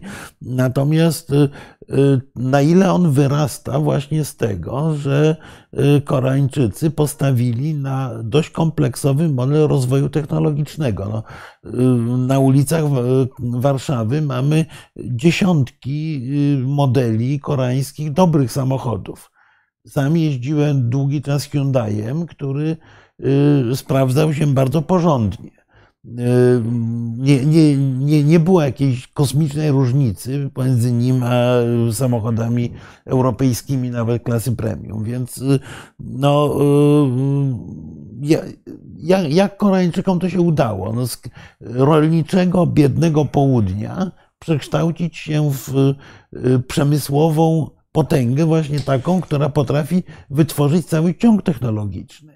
Bo to nie jest tak, że, że budują największe zbiornikowce na świecie. Ja byłem w tych stoczniach w Busan, no to rzeczywiście robią wrażenie te supergiganty. Y, robią przy, przyzwoite samochody, zaczynają konkurować z Japończykami. Y, robią y, jedne z lepszych sprzętów elektronicznych. No, Okej, okay, minęło 70 lat. Znaczy, nie jestem przekonany, czy y, gdyby, gdybym. Znaczy, w krótkich słowach mogę powiedzieć, w jaki sposób ten model koreański został, y, został osiągnięty, ale y, powiem tak. Gdyby do Polski wprowadzić koreański system gospodarczy, nie sądzę, żeby zbyt wiele osób było z tego systemu zadowolonych. Myślisz o pracy za miskę ryżu? To po pierwsze, przez długi czas do lat 70. była to praca przede wszystkim za miskę ryżu. Dlatego, że Koreańczycy e, utrzymywali bardzo niskie koszty produkcji i opierali się przede wszystkim na produkcji e, na zewnątrz, czyli na produkcji eksportowej. Na początku nisko zaawansowanych technologicznie rzeczy. Y, opierali się podobnie, bo tu było wiele y, takich podobieństw y, ze Związkiem Radzieckim na rozwoju przemysłu ciężkiego. Korea przejęła wiele rozwiązań, ale nie tylko Korea. To znowu państwa zmartwię, że właściwie większość państw azjatyckich przejęła bardzo wiele rozwiązań, które dla naszej wizji kapitalizmu, polskiej wizji kapitalizmu były obce. Bo to nie w Chinach było y, ogólne upaństwowienie y, przemysłu, y, rolnictwa i wszystkiego, co się rusza, ale Korea czy Japonia to były również kraje, w których występowało potężne zaangażowanie i występuje po dziś dzień potężne zaangażowanie państwa. Korea jest zbudowana. To, Korea jest pewnym wielkim zakładem produkcyjnym, który składa się z kilkudziesięciu ogromnych e, konglomeratów, które się nazywają czebolami. Te czebole koreańskie to są wielkie przedsiębiorstwa wielobranżowe, które zajmują się produkcją właściwie wszystkiego. I właśnie, produkcją, ten sam Czebol zajmuje się produkcją samochodów, lodówek, y, y, czołgów, telewizorów. telewizorów. Są to nieprawdopodobnie wielkie przedsiębiorstwa. Największym z tych przedsiębiorstw jest Samsung, który kontroluje mniej więcej 28% gospodarki kraju. Samsung sam jest, gospod- jest przedsiębiorstwem, którego moc gospodarcza jest wielokrotnością mocy gospodarczej Polski. To jest kilkadziesiąt wielkich przedsiębiorstw, małe przedsiębiorstwa, tam nie ma średnich przedsiębiorstw. Tam są wielkie konglomeraty i są drobne przedsiębiorstwa rodzinne. Większość z tych przedsiębiorstw zrodziła się w wyniku przestępstwa. Ja to powiedziałem. Do ambasady Korei również nie będę y, wpuszczany. W wyniku przestępstwa, dlatego że w gruncie rzeczy te y, przedsiębiorstwa, znaczna część tych przedsiębiorstw na samym początku to były przedsiębiorstwa na ogół średnie i małe japońskie, które zostały oddane w zarząd rodzinom koreańskim, stąd Czebol, wielka rodzina. Y, I te rodziny zarządzały tymi przedsiębiorstwami. W momencie, w każdym z tych, y, y, z tych konglomeratów znajdowały się instytucje też finansowe, banki, które kredytowały funkcjonowanie tych czeboli. Ale co się działo, kiedy czebol przestawał być rentowny?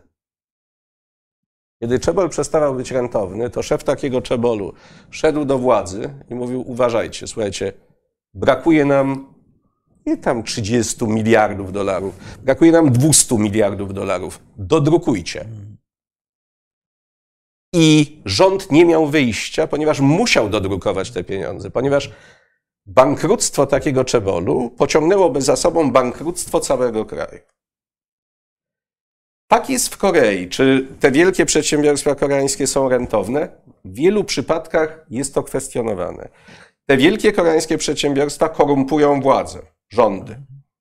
Każdy właściwie rząd koreański, kolejny rząd aresztuje za korupcję. Znaczy poprzedni tak. prezydenci, poprzedni premierzy, poprzedni ministrowie bardzo często trafiają tam do więzień, dlatego że są na liście płac tych wielkich przedsiębiorstw. Te przedsiębiorstwa są finansowane z deficytu tak naprawdę, który jest pokrywany y, na szczeblu centralnym. To jest taki, takie jedno wielkie przedsiębiorstwo składające się z kilkudziesięciu przedsiębiorstw mniejszych.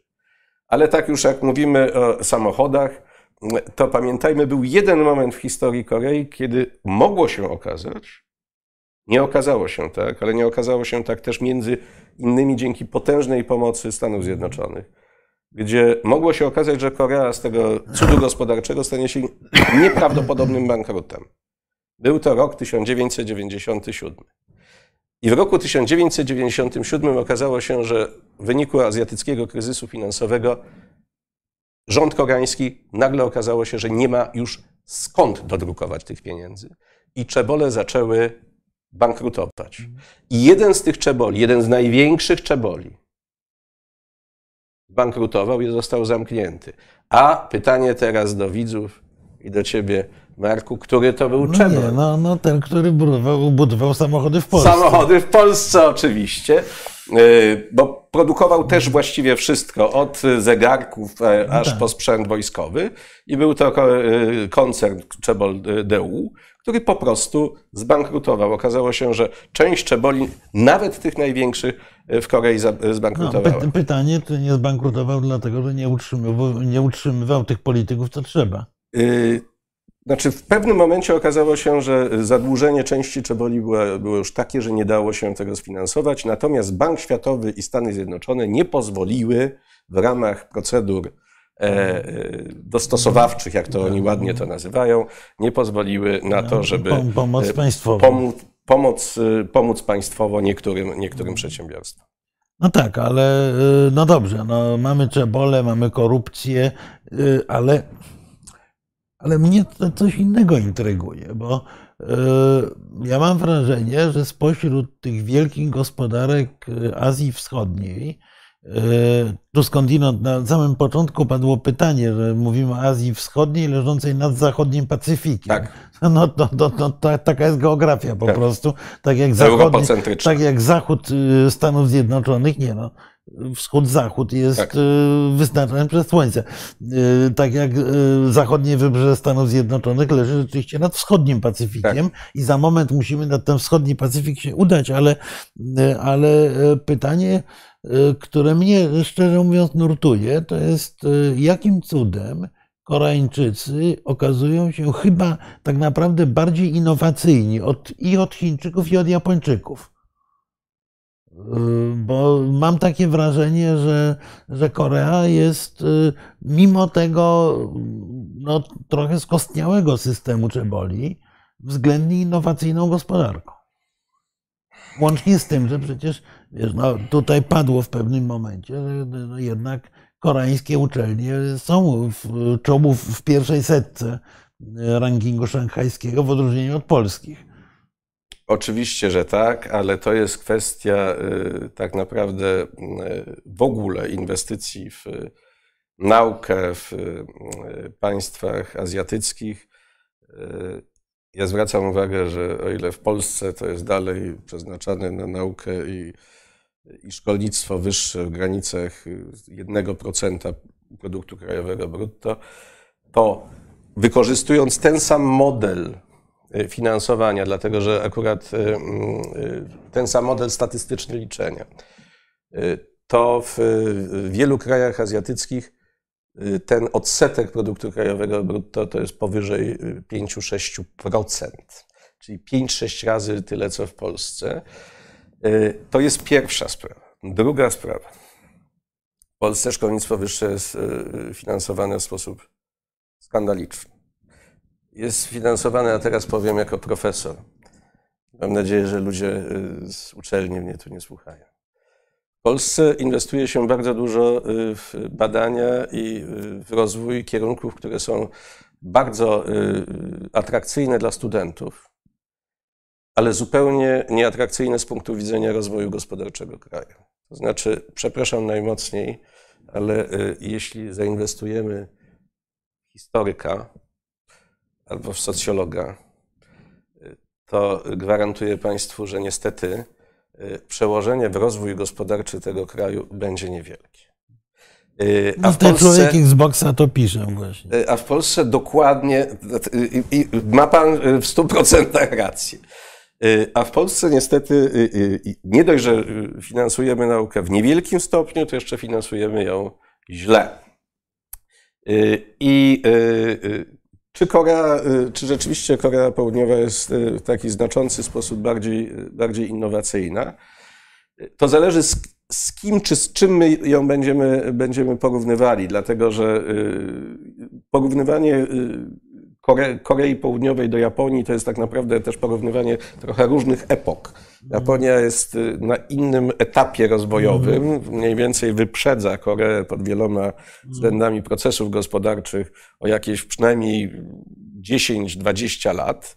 W związku z tym y, trudno jest porównywać obydwa kraje, y, y, to jest trudno zestawiać. W przypadku Chin sytuacja jest taka, że Chińczycy oczywiście starają się również inwestować w tej chwili bardzo dużo pieniędzy w badania i rozwój, y, ale dopiero niedawno, y, kilka lat temu, w Chinach pojawił się ten, ten pomysł na występowanie tych tak zwanej gospodarki dwóch obiegów, jak oni to nazywają, czyli jednej gospodarki, która będzie tak naprawdę nacelowana wyłącznie na superdoskonałość technologiczną. No i wtedy, kiedy Chińczycy zaczęli budować tę gospodarkę pierwszego obiegu, która ma być rzekomo właśnie nastawiona na tą superdoskonałość technologiczną, to okazało się, że Chińczycy są już na tyle silni pod względem gospodarczym w geopolityce, y, że y, wiele krajów, a przede wszystkim Stany Zjednoczone, mówią: uwaga, uwaga, tej gospodarki za bardzo nie będziecie rozwijać, a jeśli chcecie ją rozwijać, to musicie ją rozwijać wspólnie z nami, a my wam technologii nie damy. Wszystkie te kraje, i Japonia, i Korea Południowa, i Tajwan, czyli kraje, które osiągnęły najwyższy poziom doskonałości technologicznej, to są kraje, które zawdzięczają ten poziom doskonałości technologicznej bardzo bliskiej współpracy ze Stanami Zjednoczonymi. Chiny dlatego tak walczą, y, mimo deklaracji, które brzmią zupełnie inaczej, o współpracę ze Stanami Zjednoczonymi, a nie o wojnę ze Stanami Zjednoczonymi, ponieważ zdają sobie sprawę doskonale, mimo y, buńczucznych zapowiedzi, że bez współpracy ze Stanami Zjednoczonymi gospodarka chińska będzie potężna, ale nie będzie nowoczesna. No to tak, no to będzie największy producent espadryli na świecie wtedy, tak, niewątpliwie. Tak. Cały świat zaleją espadrylami. E, tu padło jedno pytanie, e, banalne, e, pana Jana Kuli. Jakie są płace w tej Korei? Mniej więcej 3-4 razy wyższe w tej chwili niż w Polsce. Korea rozwija się w tej chwili dzięki potężnemu rynkowi wewnętrznemu, ale to jest tak naprawdę dopiero okres ostatnich mniej więcej 20 lat. Rynek wewnętrzny dla Korei jest w tej chwili jednym z podstawowych obszarów Y, obszarów y, mm, będących takimi kołami zamachowymi dla gospodarki. To już nie jest tak, że w Korei zarabia się bardzo, bardzo mało. I zwracam uwagę, że we wszystkich tych krajach, jeśli byśmy brali pod bezwzględne, e, bezwzględne e, ilości, znaczy dochody, dochody ludności we wszystkich tych krajach, łącznie z Chinami, biorąc pod uwagę w Chinach siłę nabywczą pieniądza, zarabia się już stosunkowo bardzo dobrze. E, ja e, znowu także powiem o malezyjskim przypadku. Przepraszam, że zawsze będę tą Malezję ja, ja zawsze przypominam Armenię, nie przejmuj. I w Malezji był taki moment, kiedy była kwestia związana z uznawalnością dyplomów medycznych malezyjskich no i nasze władze, ówczesne Ministerstwo Szkolnictwa Wyższego, mniejsza o to, kto na czele tego ministerstwa stał, powiedzieli, że w ogóle nie możemy tych dyplomów, dyplomów malezyjskich y, uznawać y, medycznych, dlatego że zostaniemy zalani przez y, lekarzy z Malezji, którzy przyjadą do Polski tu pracować, no bo przecież wiadomo, że każdy chce pracować w Polsce. Lekarz w Malezji, pierwsza pensja lekarza w Malezji to jest w granicach 12-14 tysięcy złotych. E, przy kosztach nieco tylko wyższych, kosztach życia nieco tylko wyższych niż w Polsce. E, tak, no ja muszę ci powiedzieć, że tak, ja sobie uświadomiłem, że oni tam dobrze zarabiają w Azji Wschodniej, e, ponieważ jest, tak, z całej Azji zjeżdżają się do Singapuru, bo tam można zrobić tanie zakupy. No to zatarłem ręce kiedyś w Singapurze, idę robić tanie zakupy. No i jakoś te tanie zakupy nie wydawały mi się w realiach nie tylko polskich, ale europejskich tanie. Tak. Więc y, to, to jakby uświadamia, y, uświadamia skalę tego wszystkiego. Y, tu jeszcze jedno pytanie. Pan Mateusz Rudniak już go powtórzył. Jaki jest stosunek Korei do nowego jedwabnego szlaku? Generalnie stosunek do nowego jedwabnego, przede wszystkim tak Zastanówmy się, czy nowy jedwabny szlak w ogóle istnieje w tej chwili. Wydaje się, że nowy jedwabny szlak w tym ujęciu klasycznym, o którym, mówił, y, o którym y, mówili Chińczycy, w tej chwili przestał być e, drożny. To był szlak przede wszystkim lądowy i okazało się, że tak jak on dziś y, w historii tego prawdziwego jedwabnego szlaku, on przestał być drożny od momentu chociażby wybuchu wojny w Ukrainie. No tak, ale jednak Chińczycy y, budują alternatywę. I alternatywa to jest mors. Y, y, nie, ale budują próbują budować, Próbują Iran. budować alternatywę, natomiast z, tym, z tą budową przez Kazachstan i Iran to, to są no, na razie projekty no, no, bardzo Nie no, podpisali politycznie umowy część tych linii, część tych linii kolejowych budują wyglądające. Natomiast na ile to będzie efektywne, zobaczymy. To, co oni zbudowali jako efektywną alternatywę i zawsze Chińczycy budowali, Morskie. to były morskie szlaki i one są rzeczywiście o wiele bardziej drożne niż ten szlak lądowy. Jeśli chodzi o e, stosunek do e, jedwabnego szlaku, to ja chcę powiedzieć tak, że co do zasady państwa azjatyckie i nie tylko Koreańczycy e, są, to są państwa handlujące. To nie są wbrew pozorom państwa wojujące, to to są państwa handlujące. W związku z tym każda inicjatywa będzie miała, y, która ma charakter gospodarczy, zresztą Amerykanie też takie inicjatywy mm. próbują budować. I każda inicjatywa, która ma charakter gospodarczy i która ma charakter udrożnienia czy otwarcia nowych dróg komunikacyjnych dla handlu, będzie się spotykała z przychylnym przyjęciem. W związku z tym to nie polega na tym, to nie, nieważne kto buduje y, takie y, y, szlaki przepływowe, ale ważne, żeby one funkcjonowały. No To tak, ale jest, wa- ważne jest, wiesz, również po co je buduje. Otóż pomysł no, pasa i szlaku, bo to nie jest, w Chińczycy tak to nazywają, y, jest pomysłem z podtekstem politycznym. Chińczycy budują ten projekt nie tylko jako y, komunika- drogę komunikacyjną, bo to by pewnie spotykało się z ogólnym entuzjazmem. Natomiast ta droga komunikacyjna jest niczym w poczynaniach kompanii wschodnioindyjskiej y, 200 lat temu y, znaczona zbrojnymi faktoriami.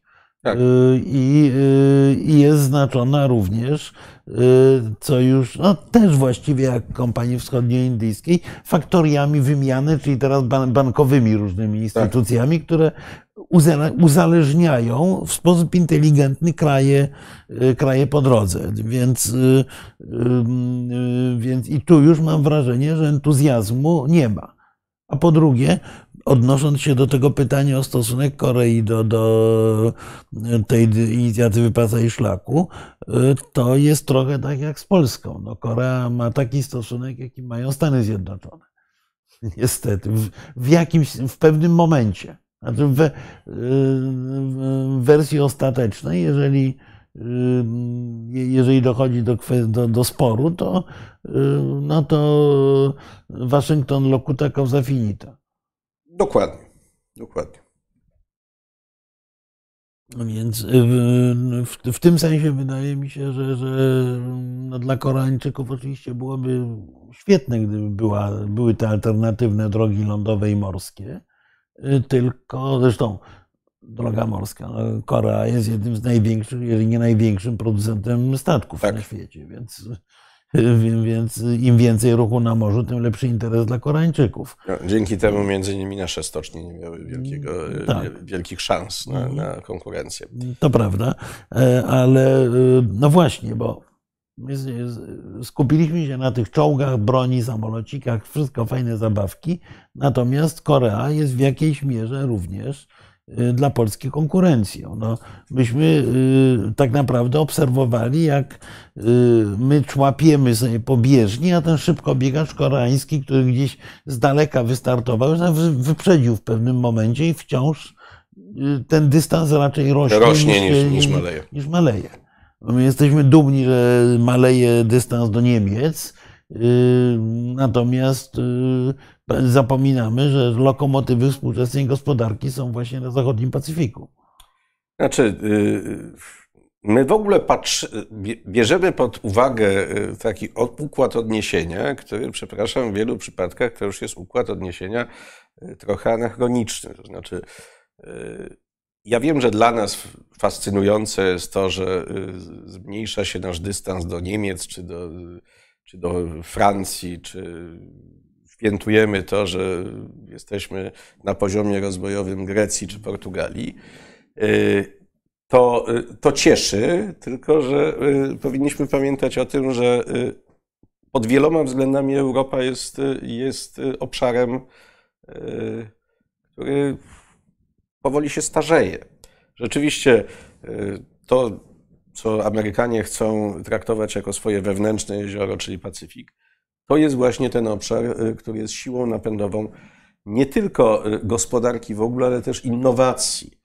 Y, Ja zawsze studentom podawałem taki przerażający zupełnie przykład. Nie przytoczę go teraz do, co do, co do liczb, ale dotyczy to ilości patentów, które są, które są rejestrowane w krajach azjatyckich i w Polsce nowych patentów. No to w krajach azjatyckich to są dziesiątki tysięcy patentów rocznie.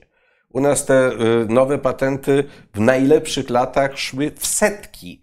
W związku z tym to niestety pokazuje, jaki jest nasz dystans w stosunku do wielu krajów y, azjatyckich. Mówię wielu, bo przecież Azja jest również wyjątkowo zróżnicowana i tam jest też mnóstwo krajów takich, y, które są no, y, na poziomie rozwojowym, powiedzmy, nie wiem, Albanii czy Czarnogóry w Europie. Ale rzeczywiście Polska nie ma wyjścia. Polska będzie w pewnym momencie musiała albo współpracować, ale logicznie współpracować z partnerami azjatyckimi. Na razie do konkurowania z nimi to my mamy dość słaby potencjał i myślę, że ten potencjał, jeśli będziemy nawet. Ale tak sądząc po rozmiarze, to właśnie takim partnerem jest Korea dla nas. Po rozmiarze tak, ale pod względem potencjału gospodarczego to oczywiście nie mamy w ogóle czego porównywać. Dlatego, no nie, no, no, no, nie, no nie przesadzajmy. Nie, nie, no Korea nie, to... jest 18 w tej chwili na świecie, Polska jest gdzieś 24, 25, jeśli chodzi o PKB. Jeśli chodzi natomiast o poziom innowacyjności, nie mamy czego porównywać. Polska nie jest krajem innowacyjnym. Polska jest krajem cały czas kopiującym rozwiązania. No tak. Y, a tylko te no, kraje, no, które ale są... oni to robili wcześniej tak, tak samo. Ja dlatego, dlatego tak się No to jest pytanie, czy tematu my, koreańskiego. To wiesz, tylko że tu jest pytanie jedno. To jest tak samo pytanie o polonizację, że wrócę do tematu mm. wojskowego przypadkiem. Y, to jest kwestia o polonizację projektów. Problem zasadniczy polega na tym, że y, jest istotne pytanie, czy my jesteśmy w stanie coś spolonizować. Czy my jesteśmy na tym poziomie technologicznym, żeby, żebyśmy byli w stanie przyjąć technologie z y, y, krajów takich jak Korea czy Stany Zjednoczone. Stany Zjednoczone akurat nam technologii za bardzo nie oferują, to powiedzmy sobie całkiem szczerze. Ale to jest naturalna sytuacja. Znaczy, Amerykanie sprzedają na ogół produkty, bardzo niewielu krajom oferują y, technologię. My uważamy się za bardzo bliski kraj Stanom, Stanom Zjednoczonym, ale nie jesteśmy, nie przesadzajmy, aż tak bliscy, żeby Amerykanie nam akurat chcieli się z nami dzielić y, swoją najbardziej zaawansowaną technologią. Natomiast w momencie, jeśli mamy kraje, z którymi możemy rozmawiać, z Amerykanami trudno jest rozmawiać, bo Amerykanie są supermocarstwem, supermocarstwem, od którego jesteśmy ogromnej mierze zależni. Natomiast jeśli znajdujemy partnerów, potencjalnych partnerów, nawet silniejszych, takich jak Korea Południowa, takich jak Japonia, to my powinniśmy próbować y, z tej rozgrywki, z tych negocjacji mhm. coś ugrać dla Polski. Natomiast y, obawiam się, że dotychczasowe y, kontrakty to nie jest ugrywanie dla Polski, tylko jest ugrywanie dla Korei Południowej mm, bardziej. I tak. to jest rzeczywiście problem poważny, bo będzie to oznaczało tyle, że my kupując finalne produkty, rozwijamy przemysł koreański, y, decydują się równocześnie na to, że będziemy utrzymywali nasz y, przedpotopowy przemysł, y, przemysł polski. No, ale po co go utrzymywać? No to... Nie możemy go nie utrzymywać, dlatego że oznaczałoby to zamknięcie wielu zakładów przemysłowych i doskonale, Marku, wiesz, że zamknięcie takich zakładów przemysłowych w Polsce jest niemożliwe ze względów społecznych. Mm, no nie będę no, mówił, które to są zakłady, no dobra, bo przejeżdżam no, przez te miasta. Okej, okay, no ale, ale efekt jest taki, że zaczynamy rzeczywiście w wielu punktach zamieniać się w muzeum. Ja powiem Ci szczerze, że ja bardzo liczę na y, wejście Ukrainy do Unii Europejskiej.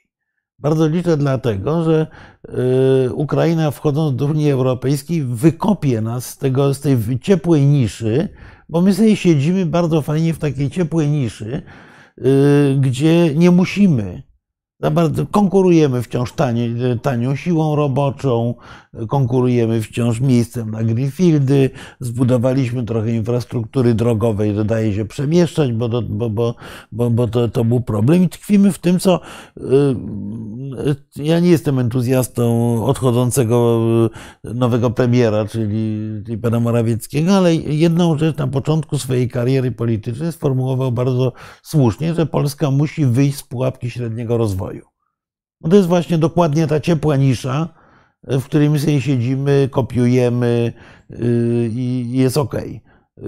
I z jednej strony to, o czym rozmawialiśmy cały czas, y, czyli, czyli ta współpraca, zawsze zbrojeniówka była przecież lokomotywą technologiczną na całym świecie tak. i wszędzie.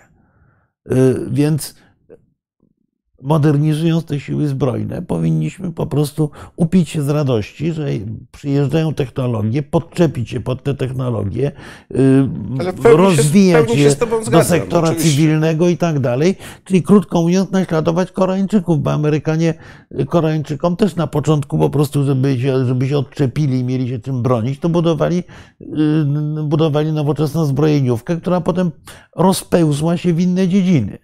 Ale jeśli idzie o znaczy, oczywiście, że modernizacyjny. Tak, to znaczy, wojna w Ukrainie paradoksalnie mogłaby być przyczyną do uruchomienia pewnego koła zamachowego dla polskiej gospodarki. Tak. Y, mało tego, właściwie dysponujemy wszystkim tym, co jest potrzebne. Z jednej strony mamy do czynienia z migrantami z Ukrainy, czyli mamy mhm. nadal tak. względnie tanią siłę roboczą, nieźle przygotowaną y, technicznie i technologicznie. Mhm. Mamy wojnę, która wymusza nawet za ciężkie pieniądze i za kredyty. Wys, wyssaliśmy parędziesiąt tysięcy informatyków z Białorusi, która. Dokładnie. Ta dolina technologiczna była jedną z wiodących w Europie. Znaczy, wojna jest takim momentem, który może uruchomić y, y, procesy rozwojowe. Wiele, w wielu krajach wojna czy odbudowa po wojnie uruchamiała procesy rozwojowe. Niestety w, y, obawiam się, że w naszym przypadku my ten moment już przegapiliśmy. Y, no, dlaczego przegapiliśmy? A pan Rafał pyta właśnie, czy po budowie dwóch elektrowni jądrowych i SMR-ów możemy w jakiś sposób rozwijać swoją technologię jądrową? To a propos przegapiania. Możemy. Y, czy pytanie po pierwsze, kiedy zbudujemy już ostatecznie te dwie pierwsze elektrownie jądrowe?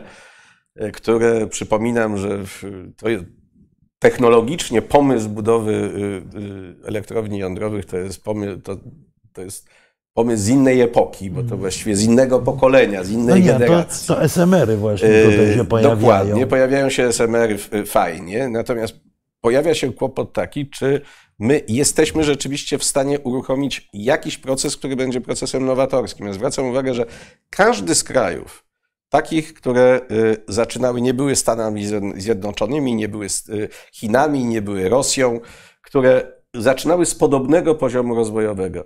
One znajdowały pewne nisze, w których uzyskiwały doskonałość. Polska, y, przepraszam bardzo, ale w jakiej branży Polska osiągnęła doskonałość? Jak spytamy za granicą, a z czego Polska jest. Wódka. Tak. Naprawdę, to y, ja nie mówię o y, Niemczech, nie mówię o Francji, ale wyjedźmy kawałeczek y, dalej. To okaże się, że jedyną rozpoznawalną marką polską jest wódka podobno polska, czyli wódka Belweder, która jest no, rzeczywiście nie wszędzie, jest która absolutnie nie jest polska. I na tym kończy się doskonałość, doskonałość mhm. naszego, naszego produktu. Y, jeśli chodzi o możliwości naszego konkurowania, my nie jesteśmy na etapie konkurowania, my jesteśmy na etapie poszukiwania szans we współpracy z państwami, niektórymi państwami azjatyckimi. Y, nie z Chinami, bo to jest politycznie nie do przyjęcia w tej chwili. A Chińczycy, Chińczycy nie są tacy zrywni do dzielenia się. Nie są zdecydowanie. Pomysłami ale takich krajów, z którymi można współpracować, tylko ta współpraca musi być logiczna. Ja mam wrażenie takie, że my y, nie mamy żadnej logiki, jeśli chodzi o y, ani o pomysł obronności tego kraju, ani e, o pomysły związane z e, produkcją zbrojeniową w tym kraju, ani o poszukiwanie owych nisz, w których moglibyśmy e, funkcjonować. Nie mamy pomysłów na polską politykę zagraniczną, nie mamy pomysłów na polską politykę obronną, nie mamy pomysłów na polską politykę gospodarczą, nie mamy pomysłów na polskie szkolnictwo wyższe, nie mamy pomysłów. Albo mamy te pomysły, ale te pomysły gdzieś głęboko drzemią. Jak będą dalej drzemać, to rzeczywiście okaże się, że w pewnym momencie, myślę, że później niż wcześniej, y, ta Europa skołatana, sterana i niekoniecznie efektywna, żeby było jasne, y, ona w pewnym momencie zacznie no tak, się otwierać. Tak nam, na, ale i tak nam odjedzie. Poza w pewnym tym. momencie nawet ta sterana zrujnowana mm, też nam tak. odjedzie. I to będzie, i to będzie klęska. Y tak patrzę na pytania, które e, e, właściwie myśmy sprowokowali bardziej dyskusję niż pytania, proszę Państwa, no więc e, na zakończenie, bo już dość długo rozmawiamy, to proponuję, żebyśmy spróbowali w trzech zdaniach podsumować to, co wiemy. Wiemy niewiele o spotkaniu w San Francisco, bo tak jak kiedyś tak jak kiedyś świat czekał na spotkanie prezydenta Stanów Zjednoczonych i Genseka, tak w tej chwili cały świat patrzy na spotkania prezydenta Stanów Zjednoczonych i, i też Genseka, tylko chińskiego, a nie, a nie sowieckiego.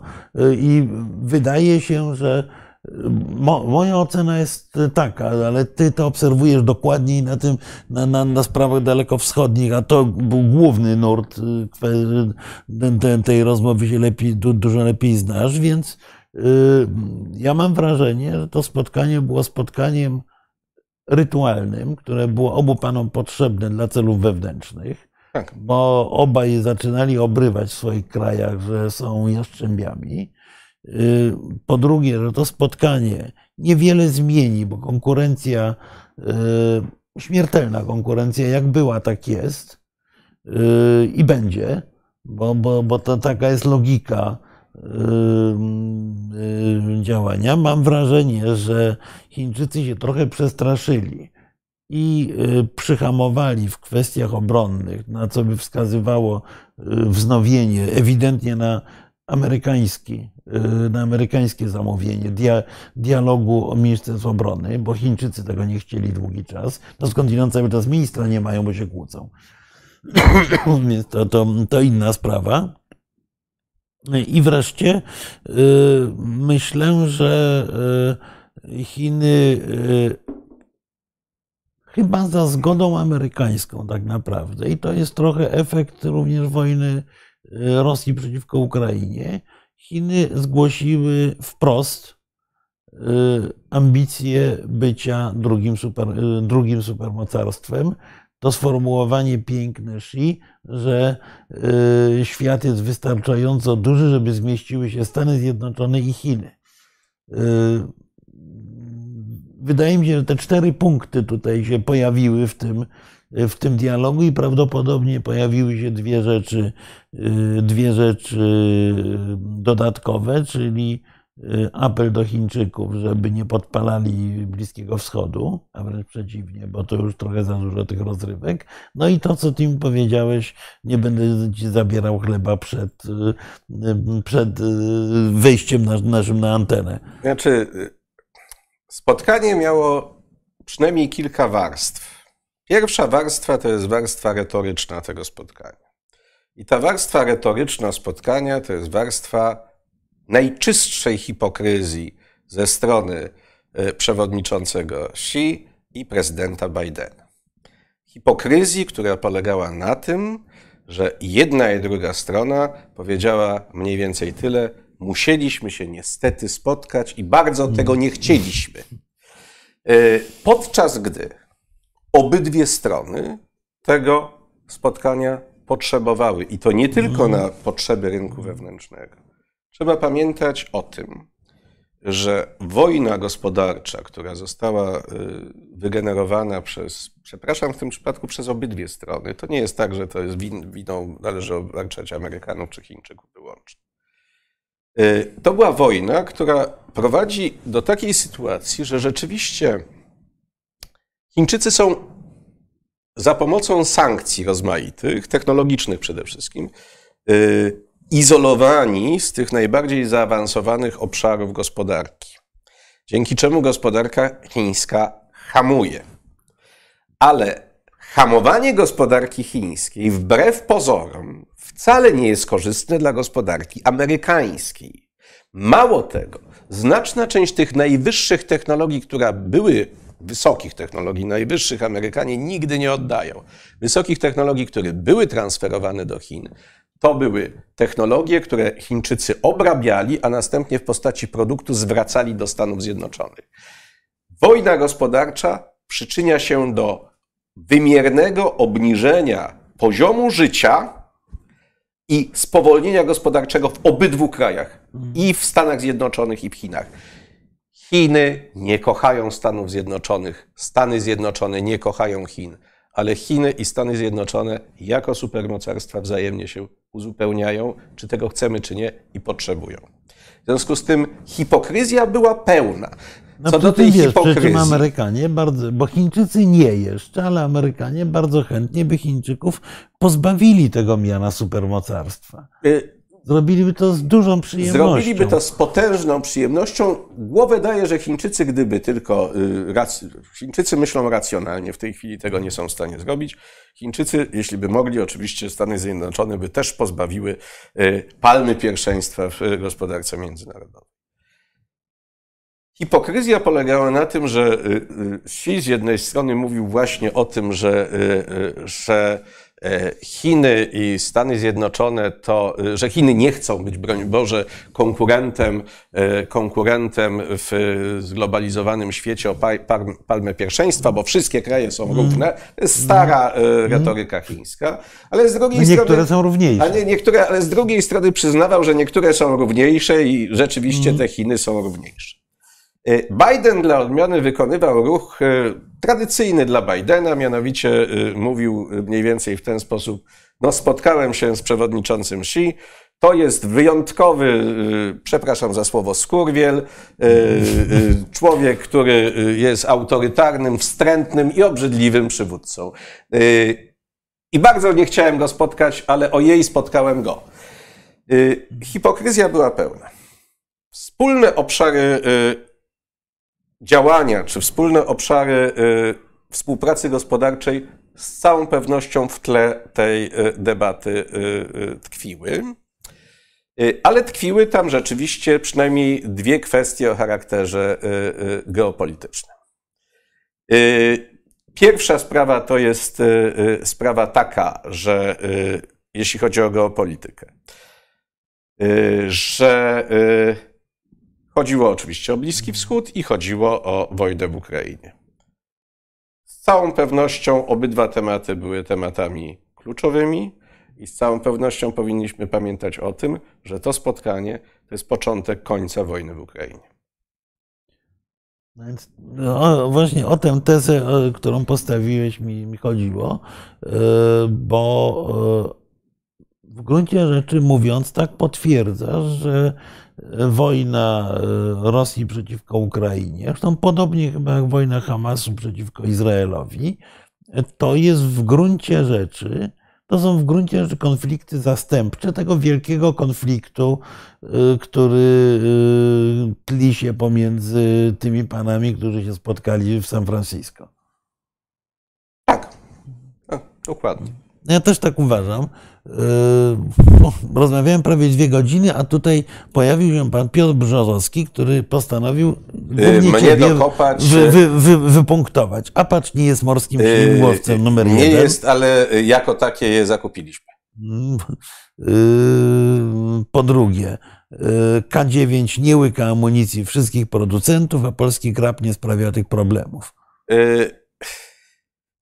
Polski krab również nie łyka amunicji wszystkich producentów. Kropka. Y, I ostatnie pytanie, y, czy, nie, czy jest, czy nie jest lekkim myśliwcem. To wszystko jest kwestia kwalifikacji oraz y, wyposażenia mm. Fafika.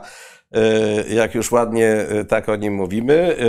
W wersji A jest on zwykle nazywany lekkim myśliwcem. Oczywiście w naszym przypadku będzie on wykorzystywany w dwojakiego rodzaju sposób, przynajmniej taka jest deklaracja. Przymierzaliśmy się do niego jako do szkoleniowego. Ma być, ma być przy, y, przymierzany w, jako y, szkoleniowy, ale również w, drugim, w drugiej odsłonie ma być wykorzystywany jako samolot myśliwski bo nie wiadomo też, jakie będą losy z ściąganych z, z Y, z resursu y, pozostałych samolotów myśliwskich w Polsce y, i jaka będzie ich zastępowalność. W związku z tym, ponieważ możemy liczyć na to, że akurat fafiki do nas przylecą wcześniej niż niektóre inne potencjalne zastępcze samoloty, to prawdopodobnie taki będzie jego los. Jak, jaki będzie naprawdę trudno do końca określić, bo chcę Państwu powiedzieć, że wbrew temu, co piszą media, Y, mamy tutaj y, y, do czynienia z pewnym szumem informacyjnym dotyczącym i treści tych umów, i ich wykonalności, i także samych zobowiązań finansowych w umowach polsko-koreańskich zawartych. Z całą pewnością, jeśli prawdą okaże się to, co rząd popodpisywał w tych umowach, to może się okazać, że będziemy mieli do czynienia z kolejnymi otwartymi procesami przed Trybunałem Stanu co najmniej. Tak, no a tego, te, tego nie wiemy, dowiemy się prawdopodobnie, jak przyjdzie nowa ekipa i, od, i zacznie czytać Dokładnie, te papiery. No bo, e, bo, bo tutaj rzeczywiście, rzeczywiście jest, jest, jest kłopot. Ale zgadzam się co do jednej rzeczy zdecydowanie, bo powiedziałem to w pierwszej części dyskusji, że y, dla mnie wersja zakupu alternatywy dla kraba jest y, głęboko wątpliwa. To znaczy, nie do końca rozumiem, y, dlaczego zdecydowaliśmy się na zakup sprzętu koreańskiego, a nie w tym przypadku nie zainwestowaliśmy w zwiększenie mocy produkcyjnych samego kraba, bo w tym konkretnym przypadku my jesteśmy, y, ze względu też na zapożyczenia technologiczne, jesteśmy sprawni, żeby dokładnie taką broń produkować. I ona pod każdym względem, także dlatego, że już jest zlokalizowana w Polsce, y, byłaby y, o wiele korzystniejsza, gdybyśmy ją produkowali tutaj, niż gdybyśmy ją kupowali. Ja myślę, tak, no, myślę e, bardzo upraszczając, że zamiast pakować się w tak zwaną Izerę, która e, prawdopodobnie będzie montownią chińskiej, Z której prawdopodobnie nie będziemy mogli się już wycofać, jak y, Tak, tak, ostatnie tak, doniesienia tak, medialne tak to mówią. wygląda, ale to będzie montownią chińskich części po prostu, yy, zamiast tego, żeby zainwestować w mądry rozwój zbrojeniówki, bo wiesz, to spotkanie w San Francisco, o którym mówimy, właściwie dowodzi jeszcze jednej rzeczy, że ci goście, którzy zajmują się w tej chwili produkcją zbrojeniową na świecie, mogą spać spokojnie i mogą już się przymierzać do budowania kolejnych y, jachtów, bo, bo bardzo długo będą bardzo dobrze zarabiać.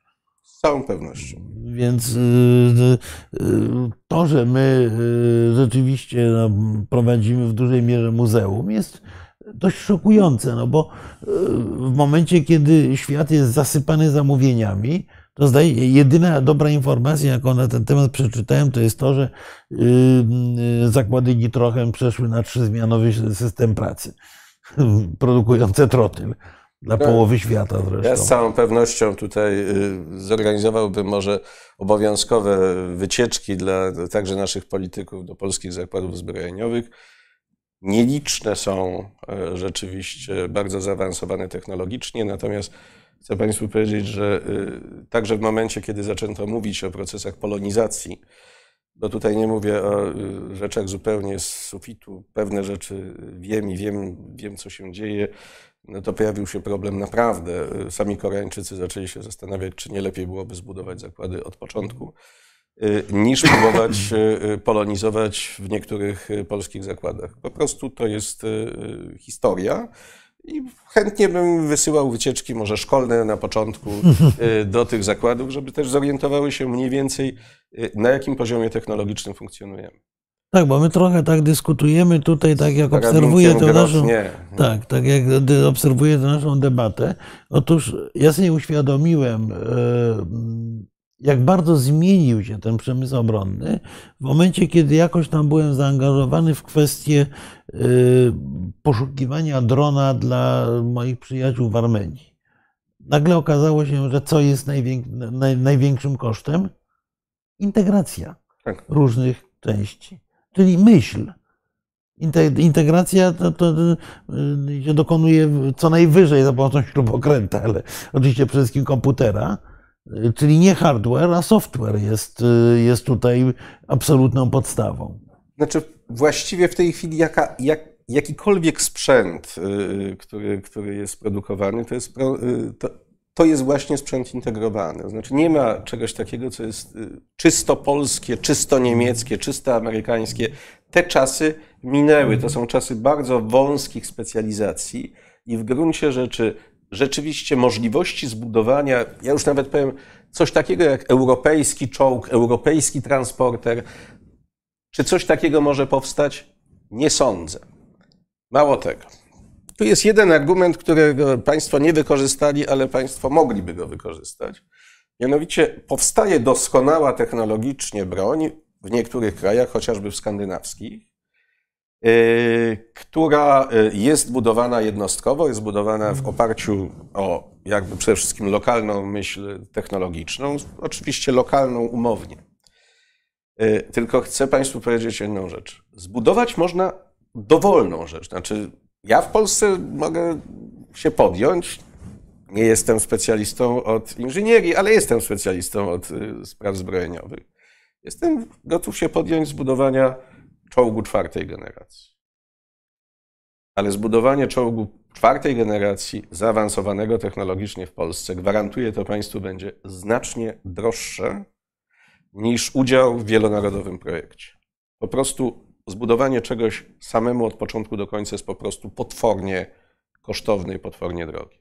Ale to samo dotyczy samochodów, akumulatorów, wszystkiego właściwie to jest nowoczesną, no, no, nowoczesnym, złożonym produktem. Ale spójrzmy na tą Izerę nieszczęsną, bo to jest, to jest właśnie przykład tak. tego, y, że próbując budować technologicznie proste urządzenie, bo ono jest prostym urządzeniem, y, okazuje się, że y, mijają lata całe, jesteśmy w wielu przypadkach w punkcie wyjścia, chociaż to jest też program, y, program, integracji.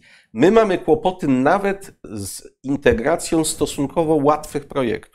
Bo Izera jest łatwym projektem technologicznym. To nie są zaawansowane projekty technologiczne y, związane z technologią y, zbrojeniową. Dlaczego tyle czasu poświęcam technologii zbrojeniowej? Dlatego między innymi no o tym, co powiedział, zwykle, tak, no. co powiedział Marek. To jest awangarda technologii. Za każdym razem awangardą technologii jest myśl zbrojeniowa. Cała reszta porusza się za nią. Y, I w gruncie rzeczy, jeśli my chcemy myśleć o, y, o tym, żebyśmy się modernizowali, to powinniśmy znaleźć pewne obszary doskonałości w technologii zbrojeniowej. Będziemy tam mieli dos, y, obszary doskonałości, możemy w oparciu o nie rozwijać pewne obszary doskonałości w naszej gospodarce. Jeśli nie, no to przyjdzie nam być skansenem europejskim. I w tym skansenie europejskim przez długi czas, im mniej będziemy się komunikowali ze światem zewnętrznym, tym lepiej będziemy się czuli. Bo będziemy się czuli doskonale jak w muzeum. Ale wtedy od razu sugerowałbym, żebyśmy wszystkich naszych polityków, inżynierów, profesorów wypchali i zrobili z nich jedno wielkie, jeden wielki skansen. Może wtedy ktoś będzie do Polski chciał przyjechać go pooglądać. zwracam Ci uwagę, że nasi inżynierowie i lekarze wyjeżdżają. Nie wyjeżdżają tylko dlatego, że obaj praktykujemy pracę akademicką, więc wiemy, że płace są haniebne po prostu. Znaczy ja muszę powiedzieć, że gdyby nie to, że ja po prostu lubię dydaktykę, to bym, to bym pewnie już y, omijał szerokim łukiem wyższe uczelnie. Y, Natomiast, y, na, na, na, natomiast ludzie z nauk ścisłych wyjeżdżają z, ze, ze stwierdzeniem takim, że oni chcą pracować w nowoczesnym otoczeniu. Nawet nie na nowoczesnym sprzęcie. Mamy ten sprzęt, kupiliśmy go. On se stoi. Natomiast, natomiast nie mamy, nie mamy właśnie tego software'u modernizacyjnego. Wciąż nie potrafimy tego przeskoczyć. Skądinąd, skądinąd to, to, to oczywiście jest pytanie, czy, czy pewne zapóźnienie nie może być szansą na zrobienie takiego żabiego skoku do kolejnego etapu, no ale musi być musi być w tym kierunku wola. No na razie ja obserwuję działalność różnych agent rządowych, więc niewątpliwie największe osiągnięcia mamy w muzealnictwie. No. Ja, wiesz, być może to jest ta nisza, w której powinniśmy się. Nie, no ale idziesz na Cytadelę, no masz pięknie zbudowane nowe muzeum wojska, Muzeum Historii Polski. Za chwilę to wszystko będzie działało. Mamy Muzeum Powstania Warszawskiego jako główne osiągnięcie poprzednich lat. Mamy Muzeum Polin, żeby już z drugiej strony popatrzeć. Super, no w muzeach jesteśmy naprawdę dobrzy. No, Wiesz, nie jestem przekonany, czy to jest właściwy kierunek rozwoju. To ja jednak wolałbym postawić na coś. Znaczy, ja bym powiedział coś innego. innego. My jesteśmy dobrzy w muzeach, tylko ponieważ przez ostatnie sto kilkadziesiąt, dwieście kilkadziesiąt lat, nawet 300, dziadzieliśmy, to nie mamy czego w tych muzeach powiesić tak naprawdę. I to jest problem. Jest... Infrastrukturę mamy muzealną, tylko zbiory nieszczególne. Zbiorów brak, tak, to prawda. A, a, a zbiory wytwarzają goście, którzy produkują właśnie owe y, y, czołgi nowej generacji i różne tego, tego typu rzeczy. Ja myślę, że y, konkluzją tego, ten, ten, tego co my, o, o czym w tej chwili mówimy, to powinno być takie zaapelowanie do, do ludzi, którzy będą tworzyli nowy rząd o dwie rzeczy. O to, żeby pamiętali o, tej, o, o, o tym, że my tkwimy w wygodnej niszy, z której jeżeli nie wyjdziemy, to ona będzie coraz mniej wygodna. A druga rzecz to jest to, na co nawet Państwo tu w pewnym momencie zwracali też uwagę, że współczesna polityka jest polityką globalną. Jeżeli w jakimkolwiek stopniu chcemy być krajem poważnym, poważnym, tak jak poważna jest Korea Południowa, tak jak poważna jest, nie wiem, y, Argentyna, kraje o podobnym potencjale i rozmiarze jak my, to musimy mieć świadomość, że jeżeli będziemy siedzieli w kącie y, i recytowali, że niech na całym świecie wojna, byle polska wieś spokojna, to, to też utoniemy po prostu w tym, w tym interesie.